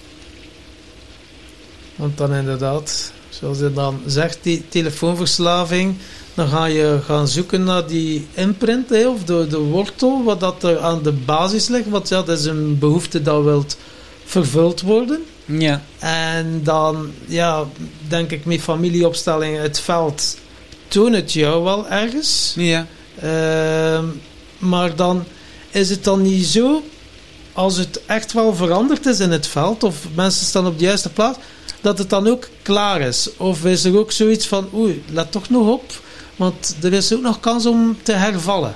absoluut. Absoluut, tuurlijk. Het is een zwakke plek, hè. Maar, en dat is zo mooi aan familieopstelling, vanaf dat je je zwakke plekken erkent en dus bijvoorbeeld kan zeggen tegen jezelf, dankjewel. Stel, jij hebt echt een keer een heel zware kutdag gehad en je doet een glas wijn achter, twee glazen, drie glazen en je bent nog eens dronken. Zou zomaar kunnen, maar je bent verslavingsgevoelig. Waar dat in de vroeger haat naar jezelf toe, boosheid naar jezelf toe, frustratie naar jezelf toe, met familieopstellingen, zou het wel eens kunnen zijn dat je zegt, ik snap mezelf. Ik wil daar niet meer naartoe. Ik heb even een foutje gemaakt, maar ik kan weer door. En je kijkt met veel meer liefde en compassie naar jezelf en begrip. En je bent niet meer die boosheid, die strijd met jezelf bij je kwijt als je familieopstellingen gedaan hebt. Zo ervaar ik het. Er is meer rust, er is meer ademruimte, er is meer begrip voor jezelf. Dat je zegt, het is oké. Mensen denken ook naar familieopstellingen dat ik magie doe en dat iedereen veranderd is. Dat is ook absoluut niet zo. Nee, ik heb nu het woord magie gebruikt. Ik, ik hoorde onlangs, ik weet niet meer of het in onze podcast was of in een gesprek wat ik had. Ja. Maar dat, eh, dat er in Frankrijk dat het verboden is om familieopstellingen te doen zonder dat je eh, psycholoog bent. Mhm. Ik weet niet of je daar ook al van gehoord had. Ik, weet, niet van ik, weet niet, ik weet niet of het waar is. Ik, heb het gehoord. nou, Eh, ik heb het dus gevraagd. Toevallig was ik eh, overlaatst ehm, op een eh, verdiepingsworkshop familieopstellingen en ziekte. En ik heb het toen aan een Fransman gevraagd. En die zei dat familieopstelling gewoon overal gegeven wordt. Dus ik heb er niks van Hm. meegekregen dat het verboden zou zijn. Maar het is nu het eerste dat ik ervan hoor dat je misschien inderdaad een therapeutische opleiding eerst gedaan moet hebben. Nee, er, dat moet, kan. er moet dan wel een Dat kern van... Ja, ik denk altijd waar, eh, waar, er zo, Maar- waar er zo gereguleerd op tegen is, is het er een kern van waarheid. Ja, een kern als het van werkt, dan moeten we opletten. Potentie. Ja, Ja. Dan moet je extra goed alert zijn. Ja, Van, hé, hey, dat is interessant. ja. Eh, ja, mensen die denken dat, dat je aan magie doet, die hebben misschien wel ergens gelijk. Ehm, als mijn cliënt mag geloven, af en toe wel. Dat klopt. Voor mij is het zeer logisch, en dat is waar dat stukje dansen samenkomt met een Latijn gestudeerd te hebben. Voor mij is het heel logisch. Actie, reactie, uitpluizen. Het is een wiskundig vraagstuk dat opgelost mag worden. Het enige stukje magie wat ik zelf ook niet kan benoemen is... eh, we doen bij familieopstelling gebruiken we het wetend veld. Dat is waar de mensen neergezet worden. En zonder dat je ook nog maar iemand gezien of gesproken hebt, komt er informatie door als representant. Weet je dingen, voel je dingen dat je niet had kunnen weten of kunnen voelen. Dat is het enige stukje magische dat ik zeg, ik kan het niet verklaren, maar hey, het is er, het is prima, het werkt. Eh, het enige wat ik daarover kan zeggen of kan voelen zelf is dat ehm, informatie gaat nooit verloren. Alles wat er ooit is geweest, zit hier in deze wereld, in het universum. Is wat, wat ehm, Napoleon Hill de oneindige intelligentie noemt. Napoleon Hill, Think and Grow Rich. Geen idee, nog nooit van gehoord. Nee. Nee, we, we hebben, eh, eh, we hebben ook bij Dirk Oeliebrand de alchemie van leven gevolgd. Hij noemt ook de, de intelligentie of de cloud. Wat dat, Ja, dus je zeg maar, alle informatie oppikt. is beschikbaar. Ja. Alle informatie wat er ooit is geweest, is beschikbaar. En wat is een representant? Niet meer dan een open kanaal om die informatie uit de lucht te plukken en als radio weer uit te sturen. Dus een medium. Dat is de enige verklaring dat ik eraan kan geven. Dat de representanten daadwerkelijk voelen waar die de rol voor, of voor wie dat die staat. Die voelen dat echt. Ik heb het ook als representant meegemaakt. En ik zeg het, hè, slagerszoon, sceptisch as fuck. Ik dacht dat ehm, eh, karma healers allemaal naar wierook roken. Dus ik was echt onwijs sceptisch. En ik ben voor de eerste keer als representant gaan staan. En ik dacht, dit is, dit is magie, dacht ik. En nu begeleid ik maandelijks workshops. En voor mij is het super logisch. Ehm, ik zie het niet meer als magisch, maar ja, sommige cliënten van mij zeggen nog steeds: Bart, je bent tovenaar. Het is ongelooflijk wat dat er gebeurt. En dan inderdaad ook, ja, mensen die nog geen ervaring hebben met familieopstelling, kan er zo representant, dat duurde ook even niet dat ik snapte wat dat, dat was, een representant, maar uiteindelijk een familieopstelling, heel eenvoudig uitgelegd, hè. dat kan. Eh, de klassieke zo, met een groep mensen, dat je Ja. samen bent. Eén iemand heeft een hulpvraag, die stelt een hulpvraag, en dan ga je het, de situatie gaan nabootsen met de actoren erbij. Dus dan is er iemand die de vader representeert van die persoon, iemand de moeder, te zien wat dat de situatie is. Zeg Ja. ik het zo goed? Ja, je zegt wat, maar een Jip en Janneke taal. Ziet een klassieke. Eh, jullie hebben bij mij geen klassieke opstellingen Nee. gekregen. We hebben natuurlijk weer al wat anders. Ja, dat dat, was next weer, ja. level. Dat was. Dat next level, jongen. Dat was leuk. Nog een keer. ja. Maar we hebben ook geen representant. Nee, maar geen representant, dus we moesten wel. en hij heeft bij mij net zo lang doorgevraagd totdat, totdat er bij innerlijk kind uitkwam. Ja. Eh, Ja. Dat is mijn ding. Ja, ik Ja, wel heel eigenlijk. slecht. Ja, ik heb je gewoon gestuurd. Nee, jij bent wel eventjes representant geweest bij jou. Ah ja, Ja, dat is waar. Ja. Maar een klassieke ehm, familieopstelling eh, bij mij. Eh, Ik kan het alleen maar over mezelf zeggen. We zijn met eh, tussen de 20 en de 30 man. We zitten in een kring. Iemand zit met een persoonlijke blokkade, komt naast mij zitten. Noem eens een blokkade op waar mensen mee aanlopen of tegenaan Te weinig eh, zelfvertrouwen Ja. of onzeker. Ik heb geen zelfvertrouwen. Dat zijn al mensen die gelezen hebben over familieopstellingen. Die denken dat komt vanuit mijn jeugd. Dat wil ik opgelost hebben. Nou, dan ga ik wat vragen over de jeugd. Wanneer, of heb je een moeder gehad met, zelf, met weinig zelfvertrouwen? Ben je gepest geweest? Ehm, heeft je moeder je weinig aandacht gegeven? Je vader je weinig aandacht gegeven? Hebben jouw ouders weinig aandacht van hun ouders gekregen? We zijn echt op zoek.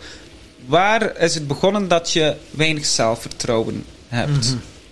En alle mensen waarvan dat ik vermoed waar het aan zou kunnen liggen.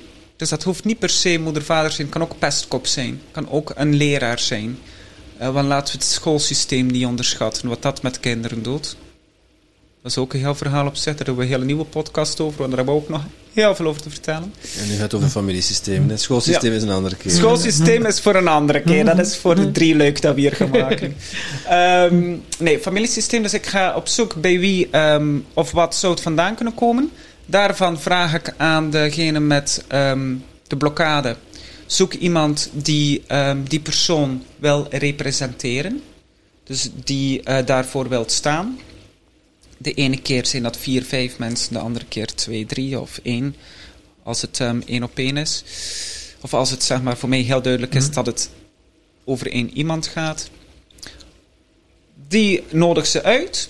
Die gaan opstaan. Het enige wat ik vraag is van jongens, representanten, doe je ding. Ga lopen waar je denkt dat je het beste staat. Ehm, en deel met mij wat je voelt. En van daaruit komt er dus een voetbalwedstrijd te ontstaan waarbij ik dus als voetbalcoach ga zeggen: Oh, maar wacht eens, moeder staat op plek van kind. Kind staat op plek van moeder. Of moeder is zo ehm, druk bezig met haar trauma dat ze geen ehm, aandacht heeft voor het kind. Dat is het lot van de moeder en dan ga ik daarmee aan de slag. Hetzelfde met de vaderlijn. Vader heeft weinig aandacht kunnen geven omdat hij zelf weinig aandacht he- heeft ontvangen. Dan ontsla ik de rest van de representanten, waar ik kijk, hier zit de meeste energie. En met dat thema ga ik dan door. Ja, want nu was het inderdaad bij ons. eh, er stonden ook allemaal mooie Playmobil-mannetjes, Ja. de, de poppetjes. Maar Ja, je kan ook met eh, de grondtankers werken. Ja, dus kan ik iets delen over jullie opstelling? Ja, zeker, Zeker. zeker. Zeker? Oké. Ja.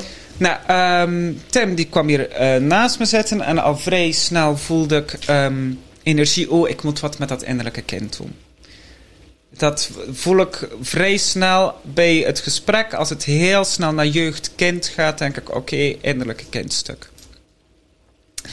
Eh, en dan kan ik kiezen voor aan tafel te zitten en in een, ehm, op een place met poppetjes neer te zetten. Waar staat jouw adaptieve kind? Waar staat jouw overlevingskind? Waar staat jouw emotionele kind?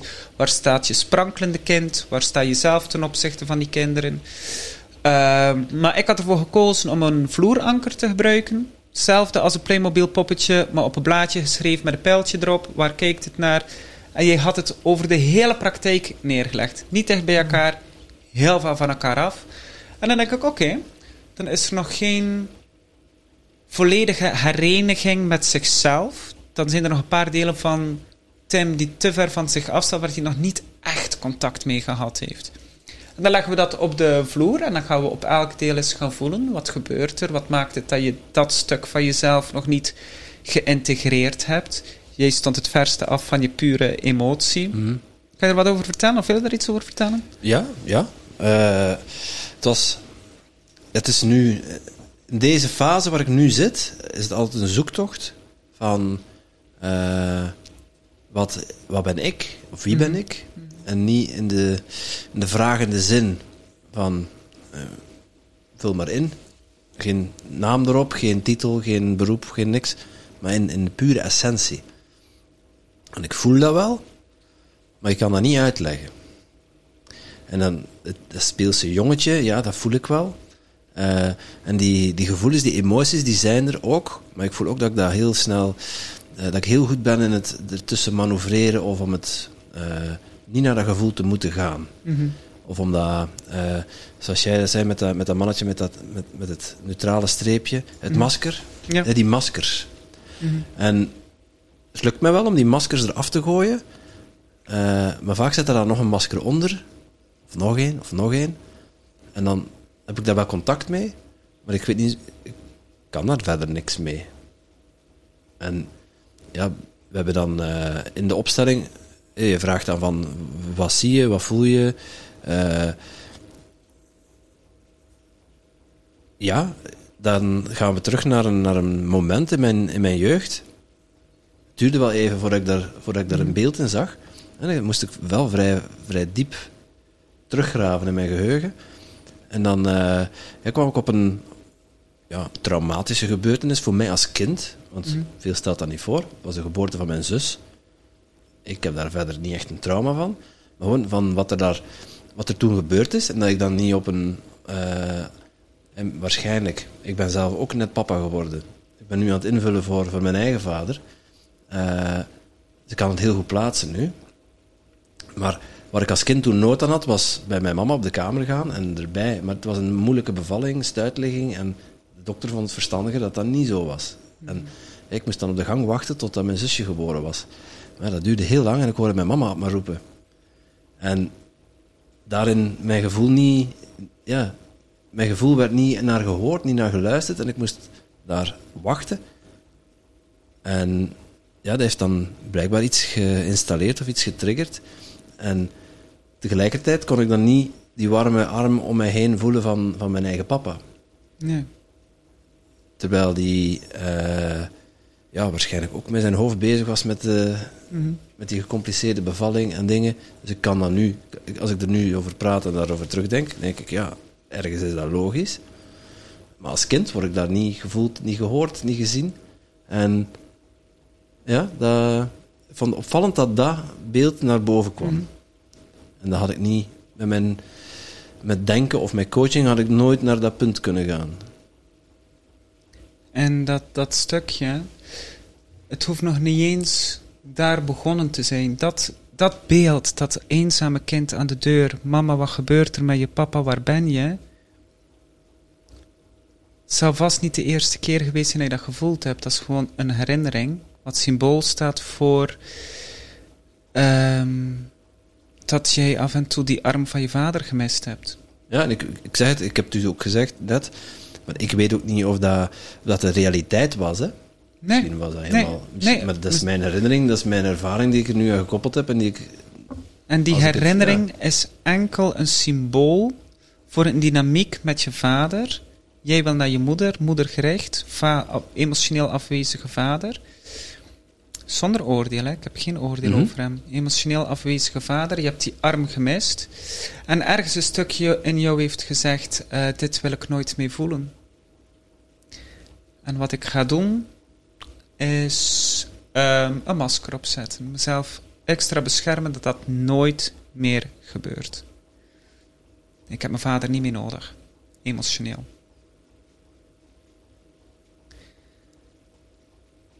Maar dat hebben we wel. Ja. en Liefst soms heb je die arm en die knuffel wel nodig.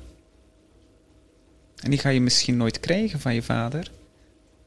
Omdat hij misschien ook geen affectie, emotionele affectie van zijn vader heeft gekregen. En de eerste stap is om dat volledig te accepteren. Ja, nu als volwassen man, ja, kan ik dat wel ontvangen en, eh, en voelen. Maar als kind heb ik dat niet gevoeld, nee. Nee.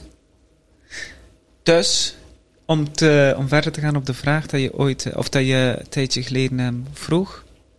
Hoe kan ik het veranderen? Dit wetende kan jij zeggen, Arne, jij hoeft mijn lot niet te dragen. Ik ga je wel die aandacht geven. Bij mij stopt het. Voilà.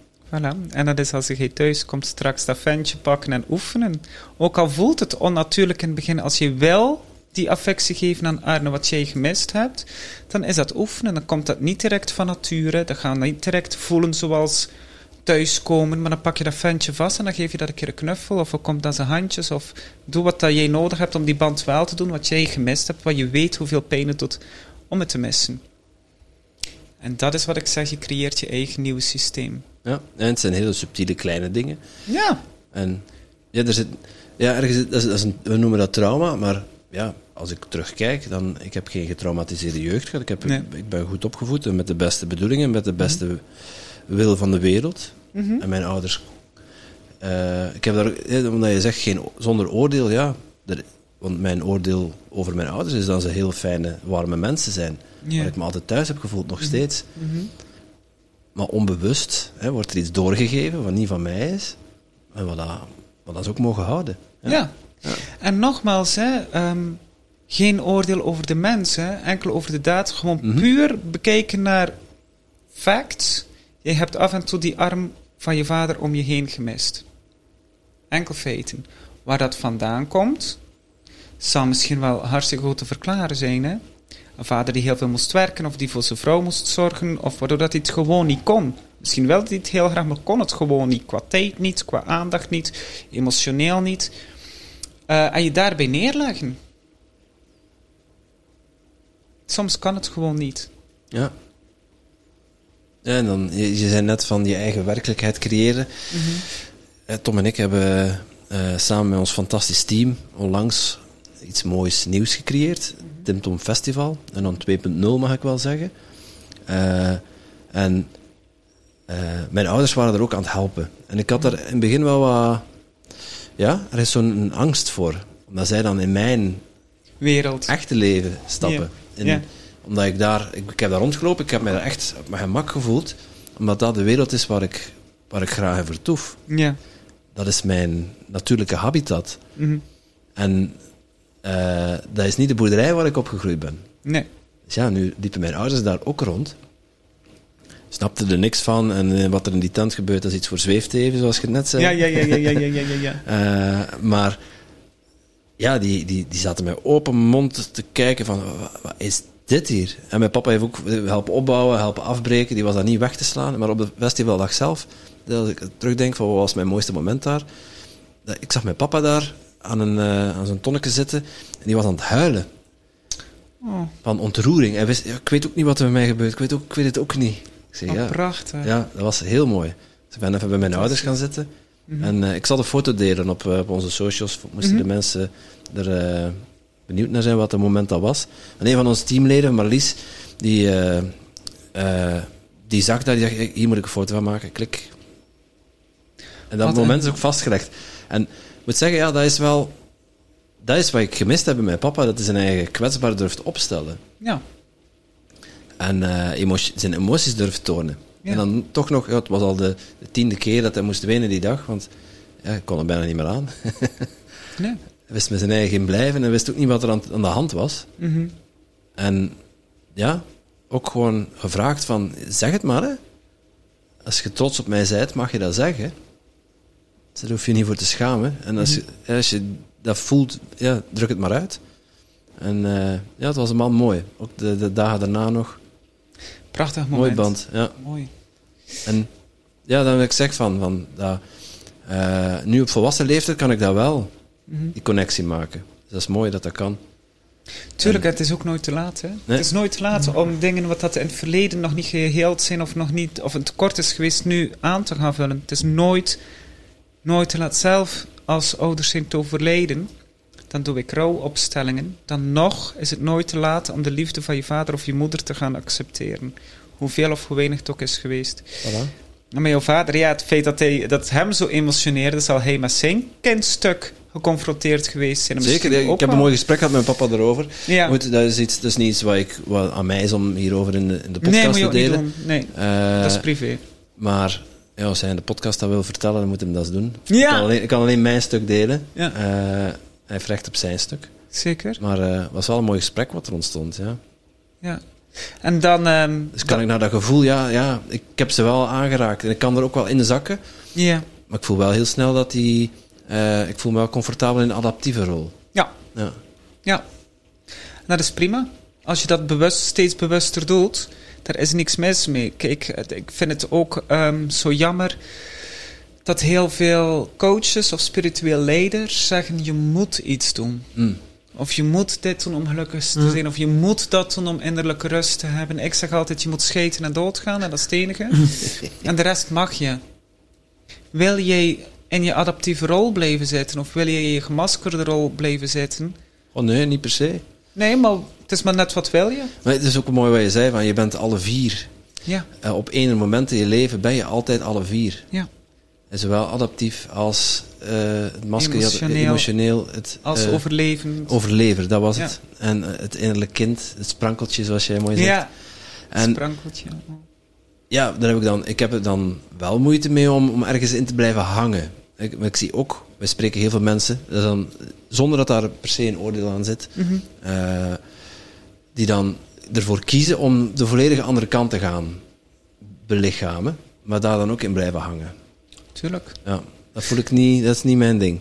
Nee, en dan zit je weer in dezelfde valkuil van niet voor jezelf te leven. Ja, dus als je alleen maar vanuit sprankeltje leeft, Ja, Ja, nee, dan ben je- je ook niet compleet. al- als ik het op mezelf trek, ja, dan heb ik het ook niet begrepen. Nee. Nee. Nee, en dat, ik vind dat heel mooi wat dat je zegt. Omdat heel veel mensen focussen zich enkel op gelukkig zijn. Mm. En dan vergeten ze dat ze eigenlijk aan het overleven zijn. Want je mag voelen. Het leven is ups en downs. Het leven is emotioneel. En je mag ook af en toe jezelf beschermen. Toen ik vroeger voor bazen werkte, had het ook geen zin om daar constant te janken. En dan zeg je, oké, professioneel gezegd op, of als coach, als mij iets raakt, dan slik ik ook een keertje, ga ik niet mee met mijn emotie of in mijn emotionele stuk zitten, maar dan in mijn overlevingsstuk, want ik zit daar voor mijn cliënt.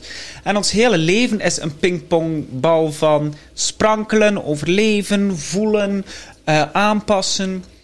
Eh, alleen de vraag is, eh, of het mooie met familieopstellingen is, vind ik, is dat je het veel bewuster doet. Dat je veel meer bewust leert gedrag in te zetten. En dat je veel meer, eh, zoals jij waarschijnlijk ook hebt gezien, ehm, geconfronteerd kan worden dat er best bepaalde delen overontwikkeld zijn en andere delen minder aandacht krijgen. En het mooiste is als je aan alle delen evenveel aandacht geeft en daar ehm, mee speelt en mee rondhobbelt. Want alleen maar gelukkig willen zijn, ik wil alleen maar gelukkig zijn, er mag nooit meer drama in mijn leven komen, is ook een utopie. Ja, dan, zit je, dan denk je wel dat je... eh, je ik had dan, je moest dan kleurtjes kiezen. Eh, bij mij, ja, ik zal het even de benaming, dat is makkelijker dan de kleuren, want dat is voor iedereen individueel. Ja. Maar dan denk je wel dat je vanuit sprankeltje leeft, maar dan eigenlijk ben je eh, de overlever aan het spelen. We Ja. hebben je masker opgezet, Ja, zonder Ja. dat je het door hebt. Ja. ja. En dan ben je kleine Bart die zijn verkleedkoffertje iets sprankelend aandoet, maar van binnen sprankelt het niet hoor. En dan zit je overlevingsdeel. Ja. En dat zijn mensen die ehm, coachverslaafd zijn. En van methode naar methode gaan. Maar ook podcast Nee, dat bestaat niet. Nee, dat bestaat niet. Je kan niet genoeg naar nee, dat vind ik ook niet. Nee, dat vind ik ook niet. Ehm, je kan ook niet genoeg workshops bij mij volgen. bij een ander wel, maar bij mij niet. Nee, nee, nee, dat snap ik. Ja. Ehm, eh, want het zijn mensen die ook ehm, heel gevoelig zijn aan eh, iemand blijven volgen. Maar ik ben een valse profeet. Alles wat je hier gehoord hebt in deze podcast, als het niet bij je aanslaat, ja, vergeet het. Hè. Ja, ik ben een valse profeet. Ik volg mijn leven. En ik hoop dat familieopstellingen nu bepaalde mensen zo kunnen raken die zeggen: God, dat ga ik eens proberen. Om met een bootje van A naar B te gaan. Maar bij je bij B stap je uit die boot. Hè. Dan heb je mij niet meer nodig. Je gebruikt mij. Maar je gaat niet aan me hangen. Ja, je ik kan me wel eh, in, inbeelden, hè, bij zo'n familieopstelling. Er is wel elke keer nog een situatie dat een keer eh, de aandacht wilt dan, Absoluut. bijvoorbeeld. En ja, nu over de Timothy was het dan eh, vooral zijn innerlijk kindje. Bij mij Ja. had je al vrij snel door, oh, ik moet die richting uit mee. Ja. Dat Eh. was eh, vrij snel, ik was denk ik eh, drie, ja, nog geen minuut iets aan het uitleggen. Hij zei, oh ja, ik weet het al. Ik dacht, oké, interessant. Iemand Ja. die het weet. Dat is Ja. interessant. Ja. Eh, maar weet je wat dat is? Ik doe dit natuurlijk al. eh, ik werk hier fulltime in. Van, ik doe heel veel individuele, individueel werk. Ik heb eh, toch drie, vier dagen in de week vijf cliënten. Per dag. Meer kan ik ook niet doen, hè, want anders ben ik zelf heel emotioneel. Ja, En som, soms is het zo duidelijk dat ik denk, en zeker omdat ik bij jou aanvoelde, eh, praten is ook een manier van overleven voor jou. Mhm. Ik denk, oh, we gaan, dat is niks voor niks dat je alles in je hoofd voelt en niks in je buik. Dat is omdat je hoofdbeleving, het beredeneren, het eh, erover nadenken, dit en dat, dat is gewoon super actief. Dus ik kon makkelijk blijven zitten en jou een half uur laten lullen en ik had er niet tussen gekomen, maar je ging gewoon ook lekker. Ja. Ja, ja. Hm? Een uur ook. Ja, een uur roken. Ja, makkelijk. Maar ik denk, ja, dat is nu net niet de bedoeling. Ik ga je eens naar je buik brengen. Eh, en daarom was het voor mij vrij duidelijk waar het over ging. En je had ook een hele specifieke vraag. Als Ja. in, ik word door mijn vriendin getriggerd bij dit en dat gedrag. Ja, meer hoef ik dan niet te weten. Dan gaan we je vriendin opstellen, jou opstellen. En dan, naarmate onze opstelling, heb ik er ook weer mensen bijgelegd, weer mensen Ja. weggehaald. En het was prachtig wat je gedaan hebt, want het ging ook alle kanten op. We hebben van alles gedaan. Maar soms ehm, vervuilen woorden meer dan dat je vanuit spontaniteit af en toe wat bijvraagt. Dan ging je gaan staan en dan zeg ik, oké, ik ga met jou met porties doen. Niet alles in één keer, Ja. maar per vloeranker wat klein beetje doorvragen.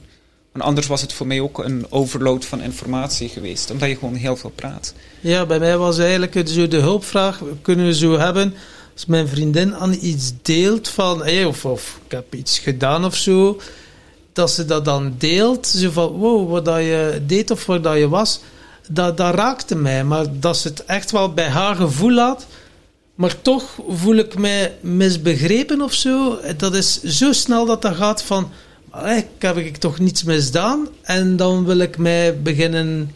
Ik hoef me zelfs niet te verdedigen, maar... Maar dat wil je wel. Ja, maar dat is dat gevoel, omdat ik dan zo... Oh, er wordt dit precies onrecht aangedaan, terwijl dat er niks wordt aangedaan. Dus gewoon mijn vriendin eh, die gewoon eh, zegt van... Ja, ik voelde dat in, in mij en ze zou het gewoon bij haar. En dan... ja, het is heel eh, bijzonder dat dat zo de laatste paar weken zo een paar situaties zijn geweest die zich dan zo herhalen. En elke keer is dat een, wow, een heel oncomfortabel gevoel. Ja, dat Mhm. is echt zo... eh, zit er zo diep in. Ja. Ja. en als je dat voelt, als je dat als volwassen man nog steeds voelt dat er iets heel diep in zit, dat was allemaal vermoeden toen we aan het praten waren met elkaar, dan denk ik, oh, maar dat heeft überhaupt niks met je vriendin nee, te maken. daar ben ik mij maar al te goed van bewust. Ja. Ja.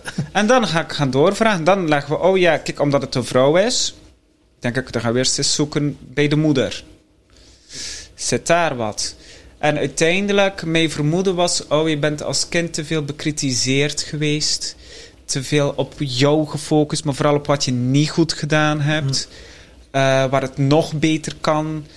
Eh, dat je nog braver moet zijn, of dat je nog dit of dat. En wat minder die complimenten gekregen hebt.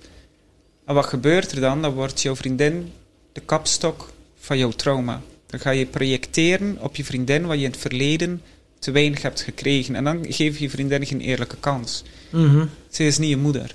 Nee. Ja, dat kwam er heel eh, mooi en duidelijk uit ook. Om dan, dat je dan ook zei van... Ja, je, je ouders die moeten geven en jij mag ontvangen. Ja. En ook al geven ze maar een heel klein beetje, ja, accepteer dat. Want ze kunnen ook niet meer geven. Nee. Dat was dan ook Nee. heel mooi, want dat, dat je mij dan zo innig knuffelde. Of eerst was het dat, dat ik me achteruit mocht laten vallen. Dus dat ik voel, viel, eh ja, voelde van... Oh, wauw, word wel gerugsteund door mijn vader. Mhm. Van, oh, dat was al... Gebeurde er al iets in mijn lijf. Maar dan, ja, die... Poeh, en dan kwam er hier verdriet. Maar ik merkte dat het stokte. Dus ik, oh, ik wou eigenlijk zo hard wenen, maar er zat dan... En ik was in die overgave, maar toch voelde ik van... Oh, dat stuk is precies nog te groot. Hetgeen dat eruit kan, mag eruit. En Ja. dat was ook helemaal prima. Ja. En dan... Stukje voor stukje. En dan die, die knuffel daarna was zo... Ja, dat was zo... Ah, ja, ik mag er toch zijn om wie dat ik ben. En ik mag toch die liefde ontvangen. Terwijl dat ik weet dat mijn ouders ook een liefde aan mij geven, maar op een manier. En dat is dan ook interessant. Ik heb, we hebben dat boekje thuis liggen, we hadden het er laatst, waar we aan bladeren met, met Daantje, met mijn vriendin, van de, de vijf talen van de liefde Mhm. van Chapman. Hoe is het? Zo, ja, de- wat, wat is dat? Dienen of complimenten geven of cadeautjes krijgen of aanrakingen. En is dat wel interessant van, ah, wat is mijn liefdestaal? Wat vind ik leuk? En wat is eh, die, je partner liefdestaal? Dus zo leer je ook weer van elkaar. Maar het is zoals je zegt, dan wordt er iets getriggerd. Maar dat zit dan zoveel dieper. En ik heb wel al ervaring met familieopstelling, maar dat was nu weer zo die een laag dieper. Hè? Dus Mm. eh, je kunt dat wel al op iets gewerkt hebben, maar dan wordt er één specifiek ding echt belicht of uitgenomen, waar dat je dan ook vol kunt ingaan, of ja, dat je dan het wordt belicht, waardoor dat je de helderheid op krijgt en het geeft u een keuze Precies. dan heb je zoiets van, wauw, maar ik ben hier wel degene die beslist. Ga ik mij dan nog blijven achterweg steken? Of neem ik het leven volledig in eigen handen? Neem ik dat eigenaarschap? En ga ik het op die manier doen? En dat krijgen we, elk moment krijgen we nieuwe kansen en mogen we keuzes maken. Maar het moet eerst ergens gezien zijn, in je bewustzijn komen, vooraleer dat je dan überhaupt ook die keuze kunt maken. Want via je onderbewuste, 95% doen we onbewust automatisch. Maar het is maar Mhm. als het naar het bewuste komt, dan heb je, oh een momentje, maar hier mag ik wel in kiezen. Ja, Ja. Zeg ik heel vaak, wil je gelijk of wil je geluk? ja. Wil je een strijd winnen of wil je een strijd accepteren? Mhm. Dat is een heel ander verhaal. En zeker naar ouders toe. Of eigenlijk naar iedereen toe. Wat ik merk is dat we vaak nog zo bezig zijn met de focus. en Ik moet iets krijgen. En ik moet iets grijpen. En ik moet iets pakken van die mensen. Waardoor dat we vergeten dat we ook onze handen kunnen open doen. En gewoon ontvangen wat we kunnen ontvangen. En wat we niet kunnen ontvangen, ergens anders zoeken. Want je kan niemand veranderen die niet wil veranderen. Veranderen moet iemand zelf doen. Elk volwassen mens is verantwoordelijk voor zichzelf. Een kind kan niet verwachten dat zijn ouders gaan veranderen. Dat moeten ze zelf willen. Je kan niemand veranderen, dat moeten ze zelf. Want iedereen heeft zijn eigen lot. Iedereen heeft zijn eigen verantwoordelijkheid. En iedereen dient dat voor zichzelf op te lossen. Ja, dat is, ja, doet me denken aan het experiment wat ze deden met die vlinders.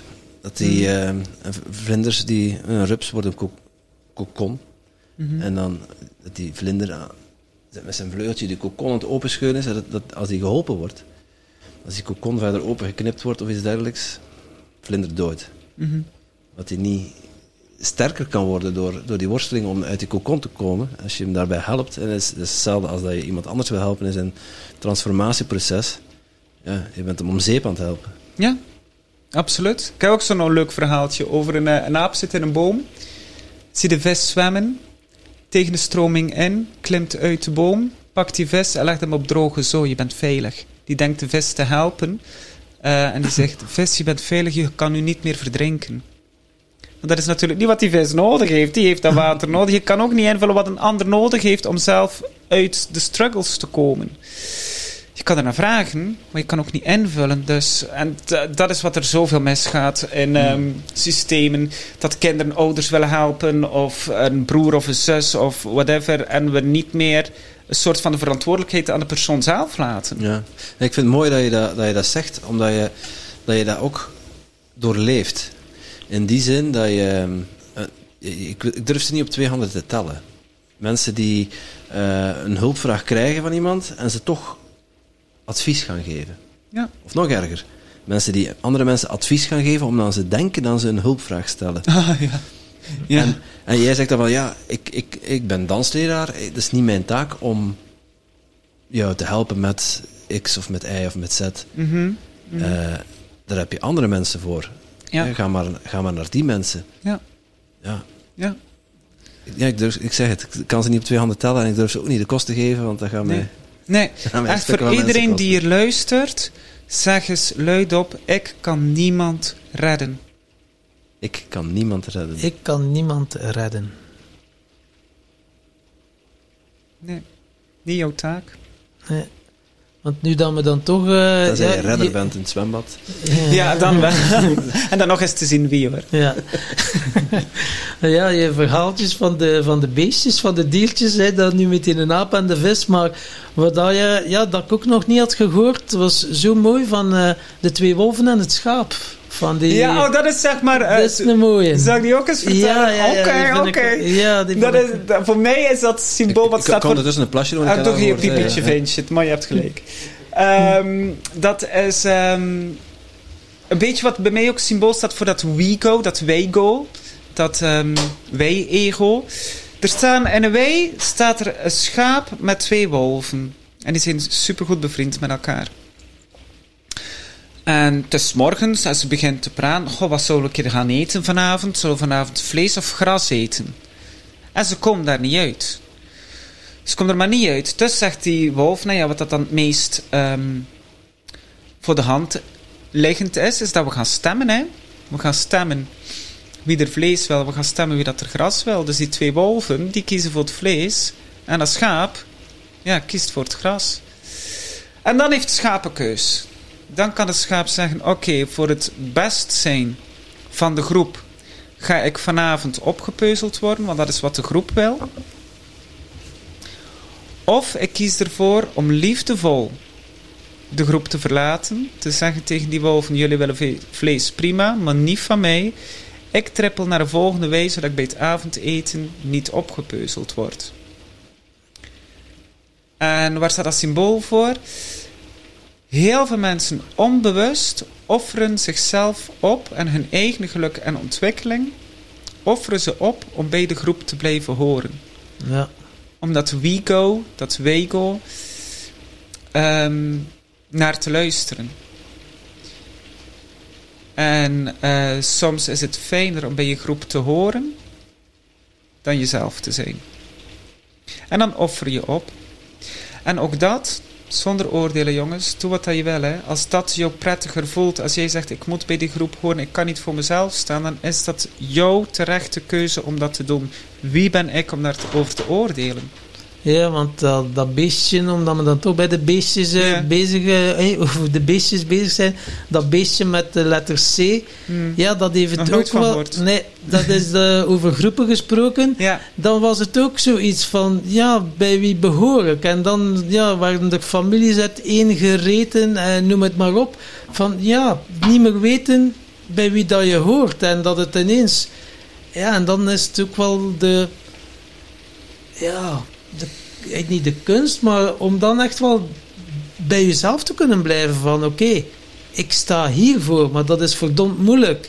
Zeker als je in, in een job zit of dat en de meeste mensen spreken die taal, hey, dan over verplegers en zo, die worden ja, gezegd van je moet of eruit. ja, dus ja, dat Ja. is dan toch wel. Dan ontwikkelden we, zoals Timothy dan zei, van die vlinder, die, die, die rups. Ja. Ja. dan ga je echt wel dat sap persen naar je vleugels om die een volmaakte vlinder te worden. Als je dan echt wel gaat voelen van, hmm, ik blijf staan. En dat is ook weer dat stukje adaptieve kind waar je opgestaan hebt in jouw opstelling. De keuze bij jezelf maken. Wil ik, net als dat schaap, wil ik opgegeten worden? Voor sommige mensen was dat echt naar de offerbank gaan, die prik nemen. Hm. Of wil ik mijn werk en wil ik het gemeen goed serveren? Ook daarin heb ik toen te midden in die crisis te veel oordeel gehad daarover. Achteraf kijkend zou ik moeten zeggen, ieder loopt daar zijn eigen pad in. Ehm, maar dat is precies wat, daar beschrijf je het heel mooi, wat het wijgevoel is. Hè? Wil ik bij die groep horen of wil ik het niet meer? Ja. Kan ik die offers maken en word ik daar beter van? Of maak ik die offers voor de groep en kan ik dan nog van mezelf houden? Dat is een, ehm, een keuze waar we als volwassenen allemaal in staan. Dat is de keuze waarom dat ik op een gegeven moment gestopt ben om te dansen. Ehm, kan ik hier nog mezelf zijn? Kan ik van mezelf houden als ik hiervoor kies? En ik denk dat dat iets is waar we als mens af en toe nog te weinig over nadenken. Ja, is daarom ook dat wij, ja, het is niet voor niets dat de vrienden van Tim Tom daaruit Ja. is ontstaan. Mhm. Omdat mensen die dan de keuze maken voor zichzelf, zich dan ineens heel eenzaam kunnen voelen. Ja. Van oei, wat moet ik nu naartoe? Voelen dat je spreekt vanuit het hart. Voelen van ik heb dat hier te doen, ik doe hier niet meer mee aan die cinema, of hoe dat je het ook wilt noemen. Mhm. ik, ik heb de ballon doorprikt, of wat dat het ook mogen zijn. Maar ja, en nu? Nu sta ik hier alleen. En dan is het, wat ik, eh, ik spreek voor mezelf dan, als ik de keuze maakte om te stoppen met alcohol, Ja. heb ik ook heel even helemaal alleen gestaan. Met mijn voetbalvrienden dat, ik dronk geen alcohol. Zij, ja, zei nog wel goeiedag of, of, of met collega's op het werk en zo. Maar ik hoorde er niet meer bij. En dan was het zo, maar ik had nog geen nieuwe vrienden. Op een manier. En de Timothy had ik, dat was dan met de podcast. Maar, geen Dat men echte ervoor vrienden. betaald, hè. Ja, maar dat was er nog net voor, denk ik. En dan stond ik echt zo alleen. Terwijl dat dan een paar keer wel die stem kwam van... Wow, als ik terug naar die vrienden ga... Ik ken het daar. En dan kan ik er weer direct bij horen. Dan heb ik gezegd... Nee, ik ben hier... Ik wil hier uit. Mhm. En dan is er, zoals gezegd... Als je iets vasthoudt... Kun niets ontvangen. Maar door dat los te laten van... Nee, ik doe het niet, maar dan kwamen er nieuwe dingen uit. En dan dacht ik, ik schrijf me in, een yogaschool. En dan kwamen er allemaal nieuwe mensen. En dan dacht ik, nieuwe vriendschappen. En als ik nu zie met de podcast dan met Timothy en zo, bij die podcast hier, en vrienden van, eh, ja, vrienden van Tim Tom, maar ook al 200 gasten gesproken. Nu hebben wij zo'n gigantisch netwerk met allemaal zo mooie zielen. En dat hebben wij hier te doen. Mensen dichter bij hunzelf en bij elkaar brengen. Daar staan de vrienden van Tim Tom voor. En onze waarden zijn authenticiteit, maar ook kwetsbaar mogen zijn. Humor is ook een hele belangrijke, Ja. waar dat we echt wel voor staan. En persoonlijke groei natuurlijk. Daar gaat het dan om. Want die eenzaamheid waar je het over had, toen je gestopt bent met drinken, ieders pad is eenzaam. Want iedereen heeft zijn eigen pad. Mhm. Er zijn geen paden gelijk. Dus iedereen ervaart die eenzaamheid. Mm. Die eenzaamheid die je voelde toen je gestopt bent met drinken, die was er al. Alleen je zag hem nog niet. Ja. Je was net zo eenzaam in groep hoor. Ja. Ja. Want anders was je niet gestopt met drinken. Ja, dat is een Of mooie... begonnen. Hm? Of Of, begonnen. begonnen. Ja. Ja. Ja. of begonnen met drinken. Dus die eenzaamheid is er altijd geweest.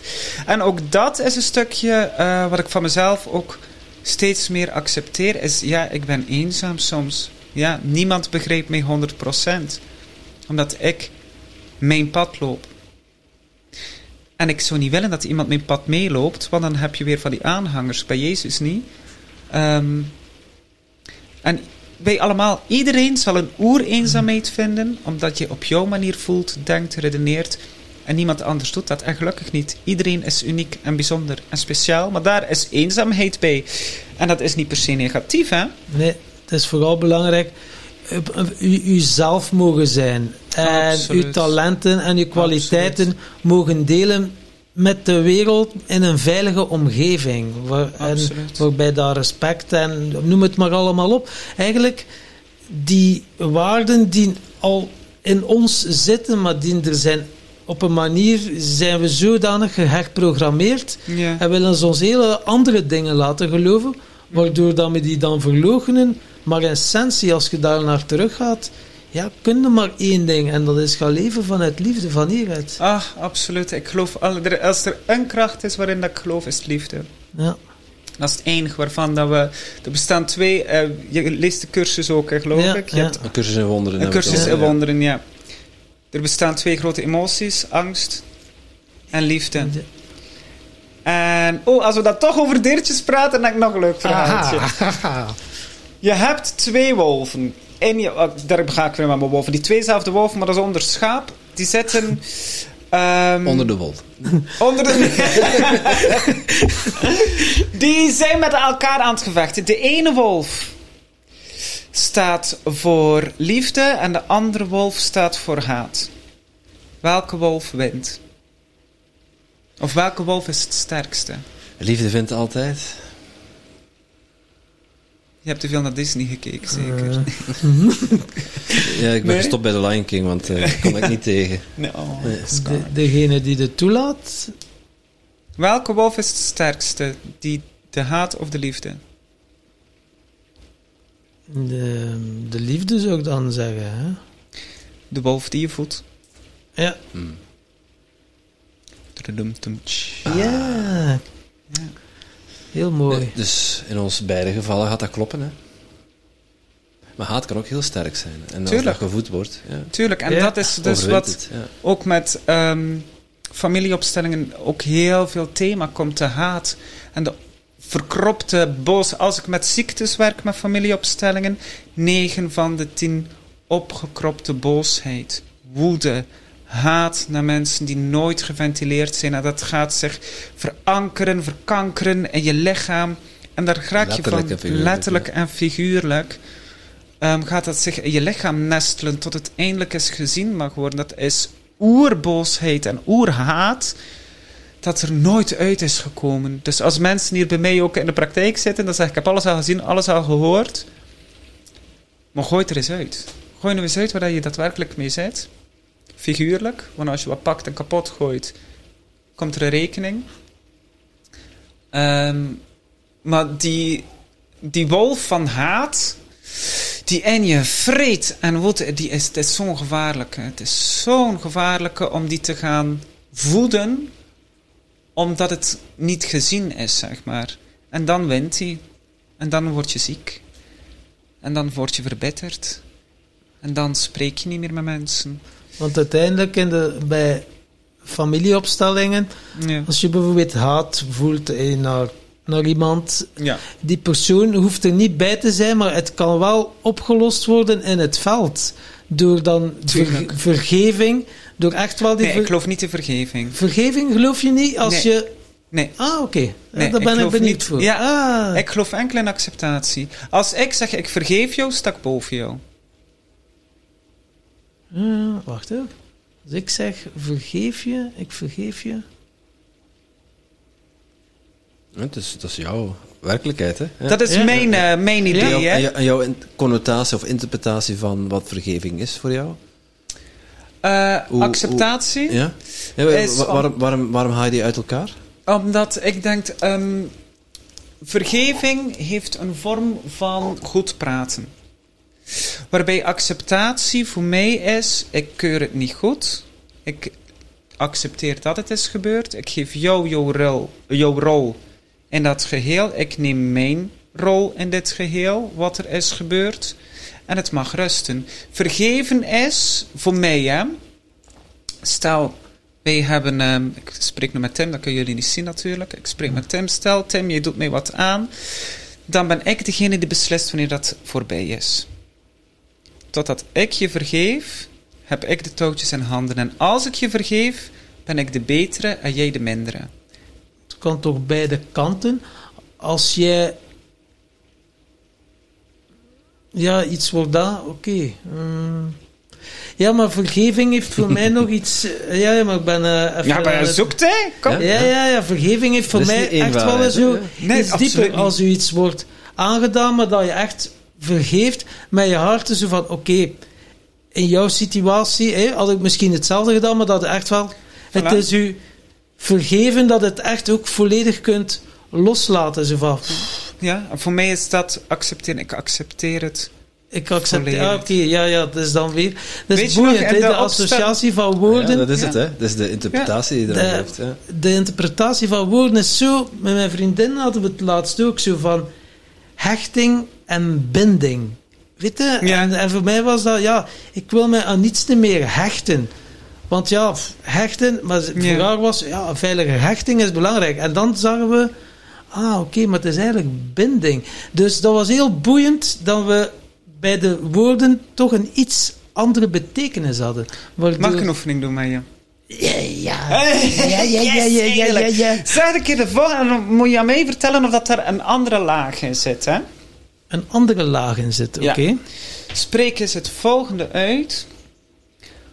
Papa, ik accepteer wie jij bent.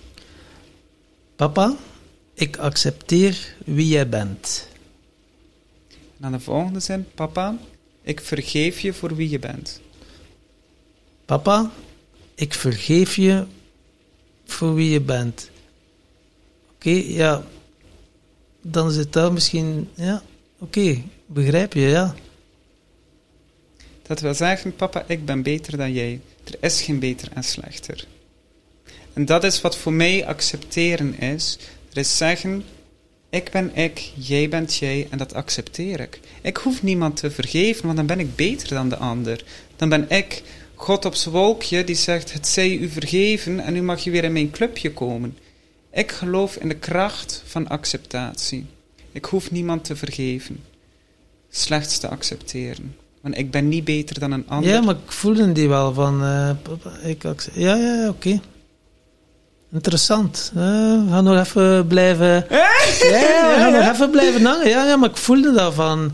Ik accepteer je om wie je bent, of ik vergeef je wie je bent. Dan heb ik er zo al precies al een, oor... Ja, ja, ja, ja, Ja, dan, heeft hij, dan is de stoute jongen geweest die vergeven moet worden. En dan mag je... En ook met vergeven wordt het bijna moeder-kind-relatie, vader-kind-relatie. En accepteren zijn we volwassenen naast elkaar. We accepteren elkaar voor wie we zijn. Dat is een beetje de dynamiek wat ik bedoel. Het verschil tussen vergeven en accepteren. Mooi. Ja. Ja. Ja. Maar accepteren zit ook wel weer een oordeel in van dat je het goedkeurt. Nee. Nee? Nee, en dat is voor mij niet. Hè. Ho, ehm, wat, wat ik altijd met cliënten doe, is zeggen, eh, bijvoorbeeld, voordat je zegt, papa of mama, ik accepteer je voor wie je bent, is wat je gedaan hebt, hoef ik niet goed te keuren, maar wel te accepteren. En ik accepteer je voor wie je bent. Je hoeft niks goed te keuren, maar als volwassen mensen kan je nog al, alsnog zeggen, ik accepteer het volledig, en daardoor kan ik geen contact met je hebben. Dat kan ook, hè. Je hebt water, je hebt olie, schud dat in een potje, laat dat staan en het gaat weer scheiden van elkaar. Ligt dat aan de olie of ligt dat aan het water?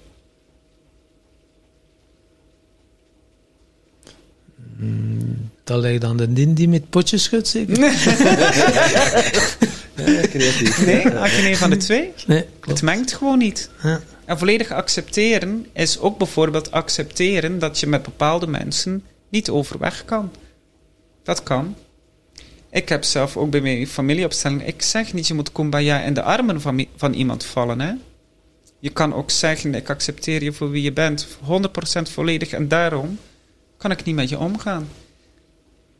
Dat is wat ik bijvoorbeeld met mijn relatiecoaching en familieopstellingen doe. Ik accepteer volledig wat er is gebeurd. Ik keur het niet goed en daarom kan ik niet met je omgaan. Maar het is goed, het is oké. Er is geen boosheid meer, er is. En dat is prima. Jij bent jij, ik ben ik. Nou, interessant. Ja. Ja, het was Willem Glaudermans, denk ik, die daar heel uitgebreid over Ja, had. de vijf stappen van vergeving. En dat resoneerde dan ook. Ja, Ja, maar het is maar net wat voor, wat voor lading je... Want als je acceptatie op deze manier Ja, uitlegt, dan klopt. komt het op hetzelfde ja, neer. ja. Dus, eh, Eh, en ja, daarom. Er is niet één waarheid. Dat is eh, altijd interessant. Nee, we willen maar het over, eh, ook over liefde en over angst. Wat angst eigenlijk een roep is om... Een schreeuw is om liefde. Absoluut. En eh, Absoluut. Ja, dat vanuit die, dat vanuit die vergeving, vanaf, vanuit de accepteren, dat je accepteert dat een ander schreeuwt om, om liefde. Ja. En dat is zo prachtig. Als je dat eenmaal gaat zien, als je dat eenmaal ziet en je kijkt met die blik naar mensen, dan kan je zoveel liefdevoller zijn naar mensen. Mensen die tegen mij geschreeuwd hebben in ehm, bijvoorbeeld de supermarkt, ik hoop dat je doodgaat aan corona, omdat ik geen masker droeg. Nu zou ik kunnen zeggen, ach kindje toch, je zal vast geen goede band met je moeder gehad hebben. Ja, dat is ook Oh, weer belerend. vervelend. Ja, dat is belerend. En ja, dat is ook meer een grap dan dat, dat... Maar het is wel echt zo dat ik met systemische blik veel meer met compassie naar mensen kan kijken.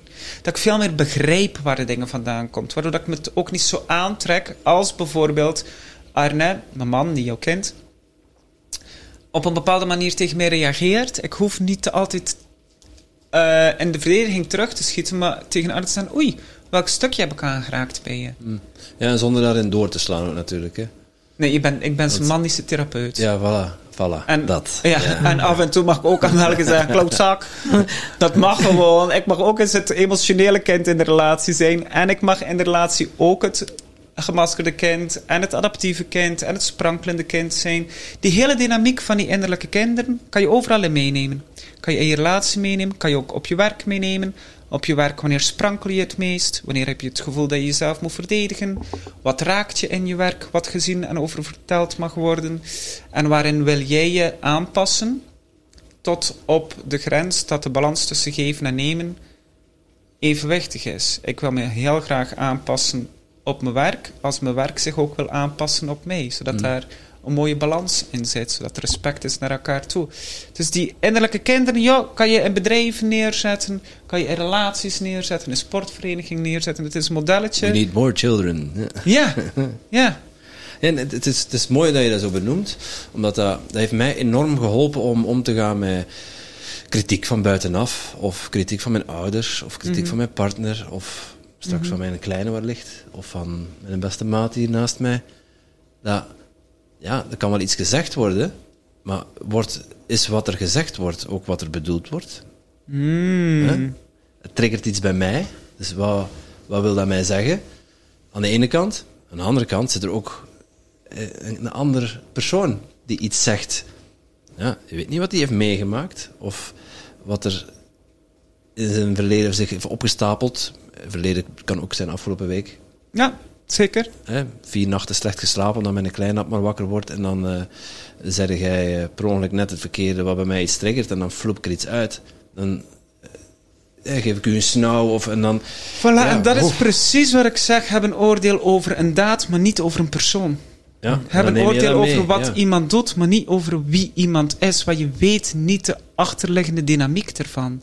Je weet het gewoon niet. Ja, en dat uitspreken, overigens, kan Mhm. enorm hard helpen. Ja. En als je, als je daar bewust van bent dat je iemand een snauw geeft, zeg je, Ja.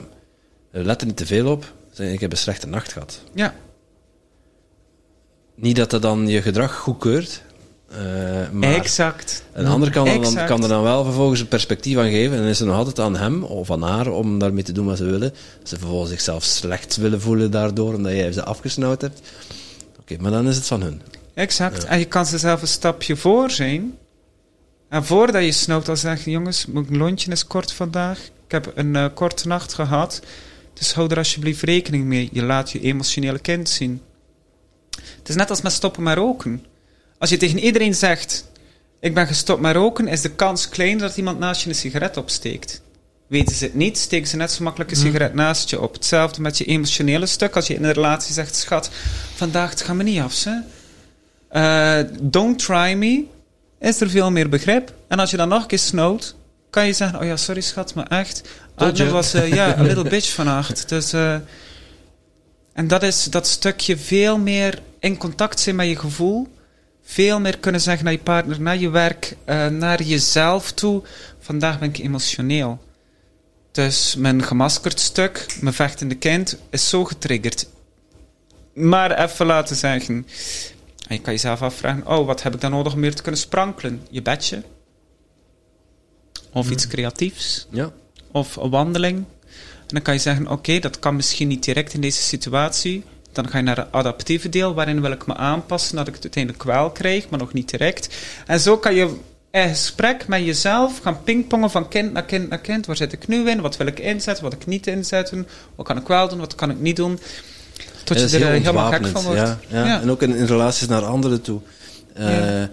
Mij helpt het enorm. Ik ben er recent mee begonnen. Dat was dan eigenlijk na inzicht van, van de podcast met Willem Glaudemans. Mhm.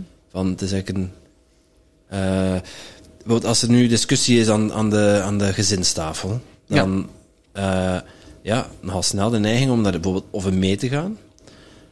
Maar soms wil ik ook gewoon mijn hart een keer luchten. En we hadden het er net hadden we het ook Ja, heel kort over. ja, ja. Van, ja, maar luister, adaptief luisteren, zonder te willen reageren. Ik vraag niet om advies, ik wil gewoon even mijn ei kwijt. Ik wil even mijn verhaal vertellen. Mhm. En als er dan aan de andere kant iemand zit die naar je luistert, Mhm. in plaats van niet luisteren, maar direct willen teruggeven met een, een of ander ongevraagd advies. Mhm. Ja, bij mijn ouders gebeurde dat nogal regelmatig eens. Ja, nu heb ik wel zoiets van, ah, als dat besproken wordt, dan zeg ik sorry, maar ik wil het gewoon even delen. Ik vraag niet om advies. Nee. Nee, maar ik ben een volwassen man, Ja, ik ben niet mijn moeder. Wordt dat Ja. getriggerd. Nu, wordt dat vaker getriggerd en, en dan kan ik er van een afstandje op kijken, omdat ze dan mij opvoedingsadvies gaan geven over hoe ik mijn zoon moet opvoeden. Mhm. Ja, daar zit ik niet op te wachten. Mhm. Dus ik wil gewoon even, even mijn, mijn hart luchten. Mhm. En wat dat jullie daarvan vinden, moet je zelf weten, maar ik hoef het niet te weten. Mhm. Ja, Heel goed. Dat, Heel goed. Naar je ouders, naar je ja, partner, dat naar lukt niet alles altijd om dat uit te spreken, maar Dat hoeft het is, ook niet altijd. het is wel bevrijdend, ja. Voilà. En het is niet dat je constant moet leven als sprankelend kind en de verlichte Boeddha. Het is ook niet dat mijn ouders vervolgens daarmee stoppen om mij, om mij ongevraagd advies Nee. te geven. hè. Nee, ja, nee. En daarin ben je dan zelf weer. De ene keer kan je het ook makkelijker hebben dan de andere keer. Ja, en soms heb je er wel behoefte aan. Ja, en dan kan je daar ook naar vragen. Ik zeg altijd, als iemand bij mij in behandeling heeft gezeten, praat er niet over met iemand anders, laat het eerst zelf vallen. Maar als je dit echt kwijt wil, zeg dan tegen je vriend, partner, moeder, vader, ik wil niet dat erop gereageerd wordt. Ik wil het gewoon kwijt. En dat willen we als kind heel vaak ook naar onze ouder, of als partner naar onze partner. Soms mag je gewoon prima eens aangeven, ik wil het gewoon kwijt. Ja, en daar is echt nood aan. Hè. Mhm. Tenminste, wij, ik spreek even voor wij, eh, als in eh, Tom en ik, wij merken dat enorm. Dat ehm, in, onze, in onze community en in onze vriendengroep, mag ik nu wel zeggen, van onze, onze vri- vriendenfamilie, Mhm. eh, daar is tijd, plaats en ruimte om open te delen. Mhm. En een gouden regel is, als er open gedeeld wordt, dat er niet op gereageerd wordt. Mhm. Dat er gewoon geluisterd wordt. Mhm. Een soort open hartcirkel, hoe moet je het noemen? Ja, sharing En- circle. Ja? En, en, in onze organisatie van, van, eh, eh, van het festival, ik vind dat een belangrijke voorwaarde, voordat we starten met, met, een, met een meeting of met een bijeenkomst, want we gaan eerst even delen waar iedereen uithangt. Mhm. En dat is niet de bedoeling dat daarop gereageerd gaat worden, maar gewoon even tijd en ruimte nemen om te laten zijn wat er is. En om te mogen doorvoelen, dat is Ja, wat überhaupt zo krachtig is aan coaching. Anders dan conventionele psychische ondersteuning, waar je een model moet volgen volgens de organisatie. Met Ik- coaching. ja en, wat ik wil zeggen is dat dat, dat kan dus ook op een werkvloer, Oh, of een ja. werkomgeving, een professionele omgeving. Ja. Oh, zeker. Ja. Absoluut. Dat kan je overal toepassen. Overal. Als je naar je wel- baas gaat, kan je ook zeggen, baas, ik wil gewoon even mijn verhaal kwijt. Als er wel ja, bewustzijn op is, hè. Want ja, sommige mensen eh, heeft dat eh, een averechts effect, hè. Maar ja, dan zitten daar ook niet op de juiste plaats in veel corporates. Mhm. Dat, dat daar geen tijd voor gemaakt wordt. Mm. Dus het moet, eh, ja, het moet rendement opleveren en eh, daar hebben we geen tijd voor verdienen onnozelheid. En zeker in de ambtenarij, omdat er nog die hiërarchische structuren zitten, Mm. op diploma dat je dan zit en zo. eh, dan eh, ja, wordt er ook wel op een andere manier. En, eh, Ja, maar dat zijn wel heel vaak ook ehm, de bedrijven waar er veel verloop is, veel ziekteverzuim, ja, klopt. veel uh, Logge structuur is... Ja. pestgedrag, eilandjesgedrag. Ja.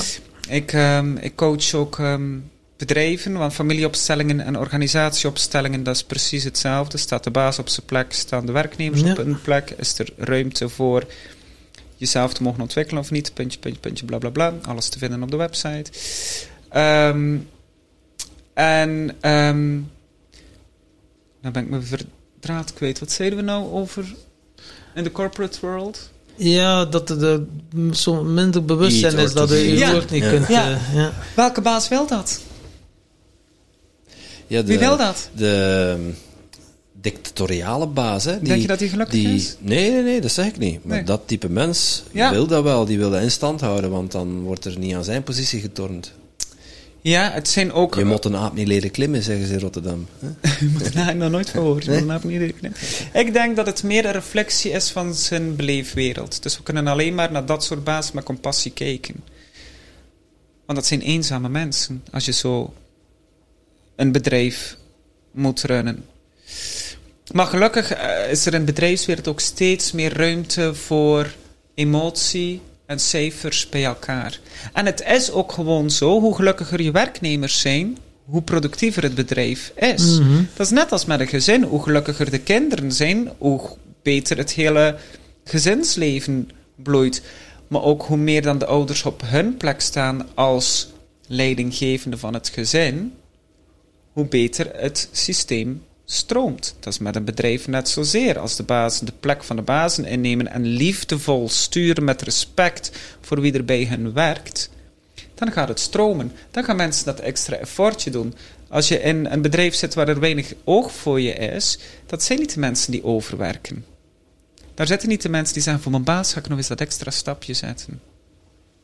Dus ze hebben zichzelf ermee, vind ik. Hè? Ja, ja, maar dat is zeker. Maar het is, ja, zo, ik heb ze misschien nooit een keer verteld, een anekdote. Ik werd verplaatst van dienst, ja, omdat ik ook wel een beetje de rebel was of zo. En niet de rebel, ik kon die, die regeltjes, ik kon er soms moeilijk mee om. En dat was oké, met een eerste dag op een nieuwe dienst. En dan dacht ik van, oké, Brakke, nu gaat u een keer even op uw gemak houden. Je zit nu in een nieuwe dienst, een nieuwe chef, allemaal goed en wel.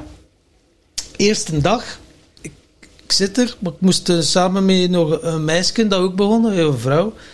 Die vrouw hangt daar eh, aan haar- haar jas, aan de kapstok, zo'n kapstok dat ze staat. En mij hangde aan de stoel. Een baas komt, echt waar, hè, komt uit, uit zijn bureau. De die hij kijkt, die ziet die vest hangen aan zijn kapstok. Zo zegt hij. Hij pakt ze van die kapstok en smijt die vest op de grond. en ik zit erop te kijken. En andere collega's ook die er al werkten. En er wordt niets gezegd. Ik dacht, ja, wat gebeurt er hier? Ja, dat was echt wel... Ik dacht, shit, maat. Want, eh, pas op, in de... eh, ambtenaren kan uh, gans een boek schrijven van die 20 jaar. Hè. Ja. Maar dat was een anekdote en ik dacht, Ja. oh my god, ja, dat meisje, eh, tranen natuurlijk. Ik zeg, ja, ja, ik zeg, ik zeg tegen die andere collega's, heb je dat niet gezien? Ja, ja, hé, maar dat is een ding, eh, weet je, Dat is de speciaal. dat is, eh, ja, ja, die moeten een beetje ja, autist of ik weet niet wat dat, als we er dan toch een label moeten opplakken. En dat was effectief, zo gezegd, zijn kapstok. Ja, dat Ja. was dan niveau A, dat was dan zijn kapstok. Maar ik, ja, dan is er iets in mij dat er zit, dus daarmee dat ik er nu ook niet meer werk, denk ik. Zo van, maat, dat zou je een keer bij mij moeten doen. Oké, ik was dan nog elke keer mee geleiden duren. Normaal gezien kwam ik altijd maar rond 9 uur, kwart na 9 toe. Ik dacht de volgende dag, mhm, Ik zei, nu ga ik een keer zien dat ik hier om 7 uur ben. Ik ga mijn vest een keer aan die kapstok hangen en een keer zien wat dat meneer gaat doen. Ja. Dus ja, mijn vestje er hangen. En eh, ja, ik kwam binnen. Hij ziet die eh, vest hangen. En ik zeg, hé, ik zeg, is mij met je fikken vanaf blijven, maat. Wow, ja, dat was, eh, ja, wat is dat dan? Dat is dan de mentaliteit, oh, bellen aan een hogere baas. was een Hans spel, hè. Vertellen aan papa. was een Hans spel, hè. Zo van, oké, ja, moest dan Ja. bij die een baas gaan. Ik zeg, ja, ik heb mijn eh, jas aan de kapstok gehangen. Ik zeg, ik weet niet, is dat een misdrijf hier op die bureau? Eh, nee, niet echt, maar ja, dat is, ja, de dienen en ja, Ik zeg, hey, kom aan maat. Ik zeg, waar gaan we mee beginnen? Wat hebben ze dan gedaan als oplossing? Ik mocht naar het economaat gaan, het economaat, achter een nieuwe kapstok. dus ja, probleem opgelost. En zo zie je in bedrijven communicatie, daar valt nog zoveel in te winnen.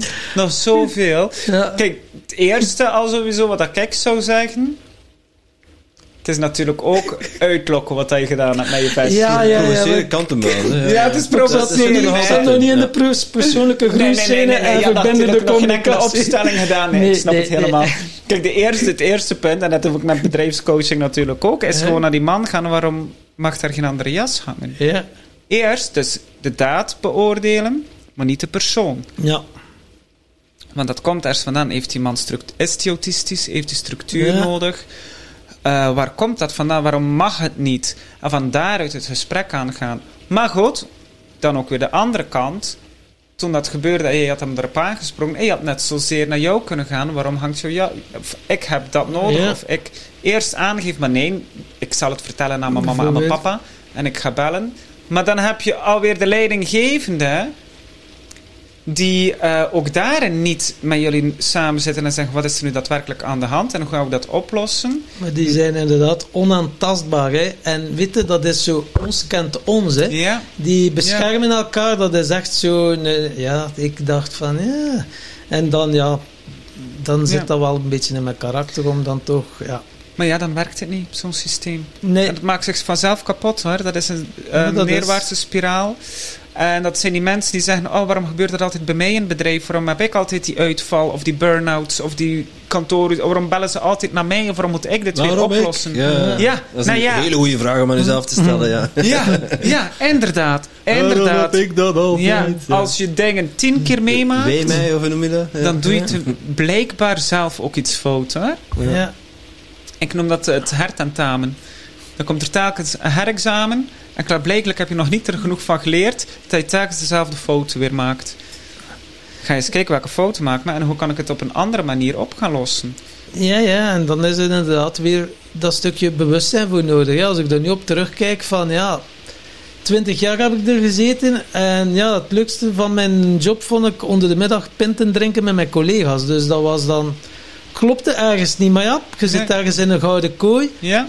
Ja, easy money, vrij veel verlof. Ja? En dacht van, oh, chill, maar op den duur begint het zo te knagen. En zitten er met een bore-out van hier tot in Tokio. Omdat Ja. er iets uit uw lijf wil, er wil iets geboren worden. Hmm. Maar ja, hoe, wat? En, ja, en dan, eh, ja, dan moeten mensen maar van aflevering 1 beginnen Ja. luisteren van de podcast. Dan begin je maar een podcast. Tot- tot het is niet 200, anders. dan hebben ze Hans mijn verhaal. Maar eh, ja. uiteindelijk, als je echt dan iets wilt en je weet nog niet precies wat, Nee. het leven zal het u wel tonen. Je krijgt genoeg signalen, Ja. eh, waar dat de, of synchroniciteiten van opportuniteiten. Ja, ze zijn er altijd geweest, maar je moet ze zien. On- on- Absoluut. ondertussen stopt het met zachtjes regenen. Ja, Dus, begint eh, het eh, harder te regenen. Eh, om dan uiteindelijk te zeggen, ook dat in ieder zijn proces en ieder zijn tempo daarin. Ja. Ehm, en ehm, voor de een is het rigoureuze podcast beginnen en voor de ander is het één keer per week naar yoga gaan. Ja, Er heeft ieder zijn tempo en zijn proces in. klopt. En ja, podcasten, je snijdt hier al aan. Dat geeft mij geluk en succes. En eh, dat is ook de rode draad van onze podcast. En, ja, er is wel je- degelijk een rode draad. Ja. Is Ja. er een? Ja, maar ik heb hem Ja, nog niet ja, ontdekt. Nee. Maar eh, ja, als al podcast van ons gehoord hebt, dan weet je ja, dat we twee vragen stellen Ja. dat niemand eh, van onderuit kan. En eh, Wat, is, wat betekent geluk voor jou? Wat is jouw definitie van geluk? Eh, mijn definitie van geluk is in de spiegel kijken en zeggen: Ik ben trots op jou. Mhm. Mooi. Er is niks aan toe te voegen. Doe je dat frequent? Dagelijks. Mooi. En dan een kleine oefening. dingetjes hoor. Dan kom ik uit de douche en dan kijk ik, oeh, je body ziet er goed uit vandaag. Of dan heb ik eh, mijn cliënten gehad. Op het einde van de dag kijk ik in de spiegel, manneke, heb dat weer goed gedaan. Ik ben trots op jou. Gewoon jezelf complimenten geven. Ja. Spiegel, Ja. Het geluk is voor mij van jezelf Dus eigenlijk is het heel simpel. Mensen die zoiets hebben. "Ah, ik krijg nooit complimenten van een ander. Stel die voor de spiegel en geef ze jezelf. Ja, en mensen die nooit complimenten krijgen van een ander, staan ook er niet voor open. Mhm. Het begint met complimenten kunnen ontvangen ook. Ja. Precies. Precies. Want je hebt ook mensen die duizend complimenten horen, ze niet geloven. Dus ook daadwerkelijk niet geloven dat ze complimenten krijgen. En één eh, vorm van kritiek krijgen en daarin verdwijnen. Ja. Oh ja, Emotionele kind, hè? Het emotionele kind. Ja, ik heb Ja. opgelet, hè? Ja. Heel goed, flinke jongen zeg. Ja. Ja. ja, ik ben ook trots op mezelf. Ja. Ja, ja. ja. Ja, ja, maar dat mag, dus dat, ik zeg ook altijd als, oud, of als cliënten bij mij komen. En ze zeggen, dankjewel Bart. zeg ik, bedank ook jezelf. Want ik heb het niet gedaan. Ik heb tegengeschonken en een muziekje gespeeld. Jij hebt het werk gedaan. Prachtig. Geluk en succes gaan bij ons hand in hand. Ja? Dus eh ik ben ook wel benieuwd. Wat betekent voor jou succes? Wat betekent voor mij succes? Ehm in het hele... Je mag zelf invullen wat voor jou succes betekent. eh, ja, dan kom ik toch weer succes in de spiegel kijken en zeggen... Ja. Ik ben trots op jou, dat is voor mij succes. Succes zit bij mij niet. Nu moet ik, laten we even heel snel schetsen waar we hier zitten. We zitten hier op een stuk eh, natuurpraktijk op 2000 vierkante meter met een sauna en een zwembad. En, dus ik heb veel, maar is dat mijn succes? Nee. Nee. Mijn succes is dat ik ook in een kamertje van 2 bij 5 zou kunnen zitten en zou kunnen zeggen: Je hebt het goed gedaan kunnen recht in je ogen kijken en zeggen: Je hebt het goed gedaan. Dat is voor mij succes. En de rest is omhulsel. En ik ben gek op een mooie omhulsel hoor. Dus ik koop graag ook af en toe eens eh, wat leuks. En ik zie er graag leuk uit. En ik laat me graag omringen met esthetiek, omdat dat me rust brengt, mooie dingen. Maar is dat het succes? Nee. Ja, want heel veel Nee. mensen die nu hebben gehoord, ja, je bent echt wel succesvol, hè. Carrière als danser, hè. Veel mensen koppelen Ja. dat daaraan, hè. Elke Eh, dag je passie leven. Ja. Ja, en ik ben er super trots op, hè. Ja. En carrièregewijs ben ik succesvol. Voor mij. Ja. Maar als mens...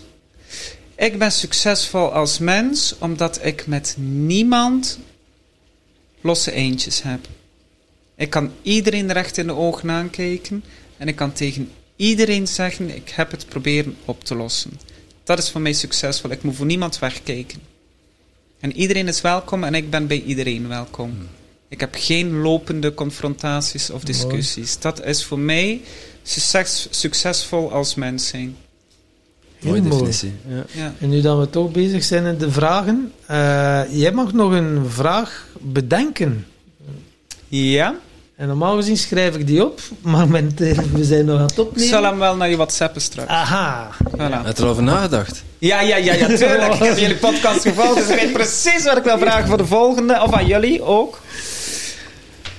Eh, mijn vraag is, als je jezelf als kind een raad had mogen geven die je zou opvolgen in je jeugd, welke raad zou je jezelf gegeven hebben? Nogmaals?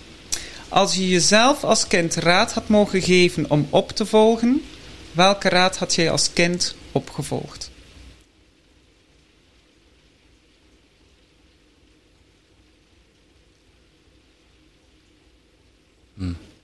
Blijf maar lekker spelen, jongen. Mm.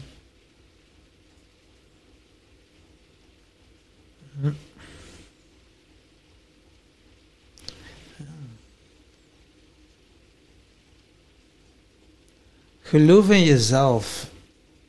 Wat dat je voelt, dat is juist en kloppend.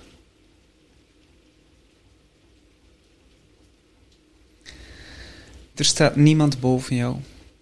We zijn allemaal gelijk. Wauw. Weet je hem op de chique. Verteert die maar eens. Succes, beste luisteraar. ja. En eh, onze volgende gast ook, want ja, Ja. we gaan er gelijk de diepte in. Hele mooie vraag. Mooi. Eh dankjewel, Tim. Dankjewel, Tom. Dankjewel Bart. En Bart. Ja. Natuurlijk, mensen die deze podcast hebben gehoord, ik kan me zomaar voorstellen dat er toch enkele, en het is hier net over de Belgische grens eigenlijk, dat we zitten, die niets hebben van, wauw, zo'n familieopstelling. Want dat is ook nog een mooie. hè, Want daar hadden we het erover. Ik, eh, uw concept, ik denk dat dat maar weinigen zijn die dat doen. Ja. Dus dat je echt wel werkt met een donatiebox. hè. Je hebt een, een workshop dat het doet, maar is voor iedereen toegankelijk. Ook voor mensen die eigenlijk de coaching het meest nodig hebben en het niet kunnen betalen. Dat klopt. Die mogen een lever afstaan, hè? Ja, een Een eerstgeborene. ja. Die is van mij. Hun stem. Eh, nee, Eén keer per maand eh, doen we een hele dag workshop familieopstellingen. Dat is van 10 tot 5 ehm, in Rotterdam. Dat is inderdaad van Antwerpen een uur rijden. Hm. Ik heb genoeg mensen uit België die ook naar meekomen. Aan de ingang staat een ehm, box, een brievenbus. Daar doe je een envelopje met een centje in, waar je die dag kwijt kan. Omdat ik vind dat familieopstellingen is een behoefte en geen luxe product.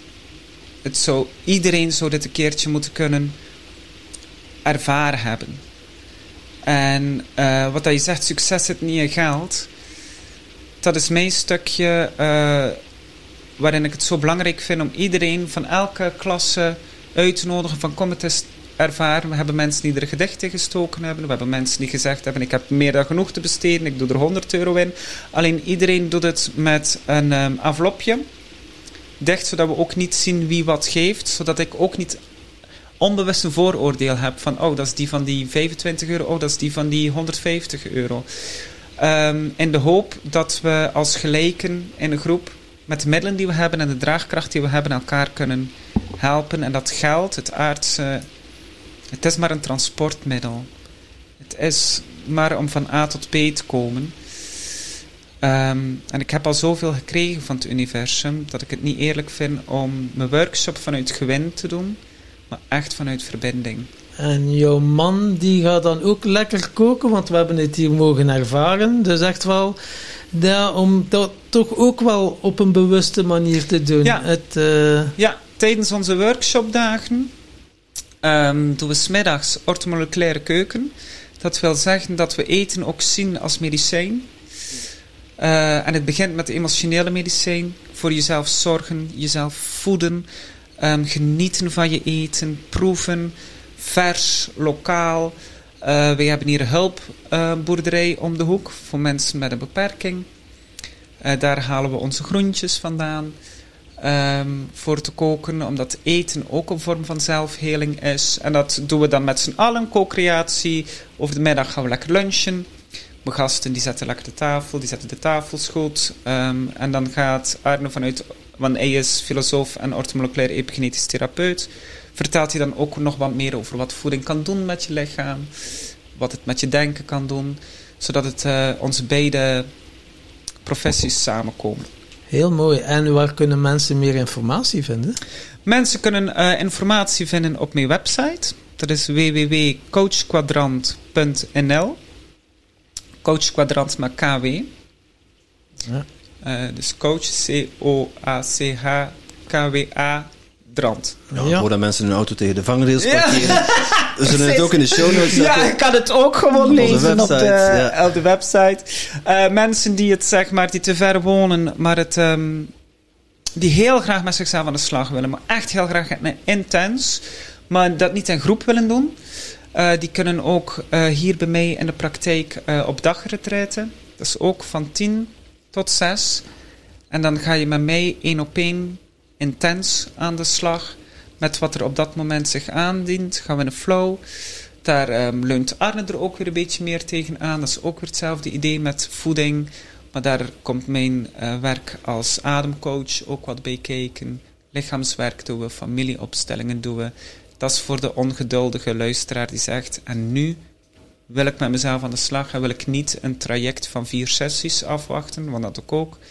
Maar ik wil in één dag intens, één op één, wil ik veranderen. Ik wil mezelf gaan aanpakken en ik wil van mezelf gaan houden. En succesvol in de spiegel kunnen zeggen, jongen, ik ben trots op jou. Heel mooi. En mensen die dan bijvoorbeeld zeggen van oké, ik ben niet mobiel en ik wil het eerst ook wat online zo doen. Vrienden van Tim Tom, de community, als je toch het gevoel hebt alleen te zijn en gezoekt naar gelijkgestemden, een toffe, plezante community, enthousiasme, humor, kwetsbaarheid, authenticiteit. Noem het maar op, het is allemaal bij ons te vinden en we organiseren ook workshops en ik heb een licht vermoeden dat in Bart ook wel een keer de taalgrens uh, of de landsgrens zal overkomen om uh, toch wel ook een keer een workshop voor de vrienden van Tim Tom te verzorgen. En weet je wat dat het leukste gaat zijn, jongens? Als ik nou eens mijn werk als dansdocent en familieopsteller ga combineren. Want vier keer in een jaar doe ik ook danstherapeutische avond. En dan komt familieopstellen en dansen versmelt met elkaar. Wauw. Heerlijk. Tof. Allemaal te volgen ook op mijn Facebook en mijn Instagram. Yes. Allemaal jullie tututje in de aanslag. Ja, points, hoentjes mee en een haar in een knotje. Dat is bij ons allemaal al gedaan. Een klein knotje. Alles mag tijd en ruimte krijgen om te groeien. Hè? Wie heeft het ja. kleinste staartje? Ja. Ja, ja lekker dat we zo eindigen, ja. Oké. Goed. Dikke, nou, dikke merci, man. Dat is heel graag. Jullie bedankt. Ja. Dankjewel voor de warmte. Heel mooi. Dank u. En jij natuurlijk ook super bedankt om te luisteren naar deze podcast. Voel jij je geïnspireerd? Je zou ons een enorm plezier doen door ons 5 sterren te geven of een review achter te laten in jouw favoriete podcast-app. En wil je geen enkel inspiratiemoment missen? Abonneer je dan op onze podcast of volg ons op social media at Tim Tom Podcast. Oké, dan moet je weer terug aan de Tom. Hè?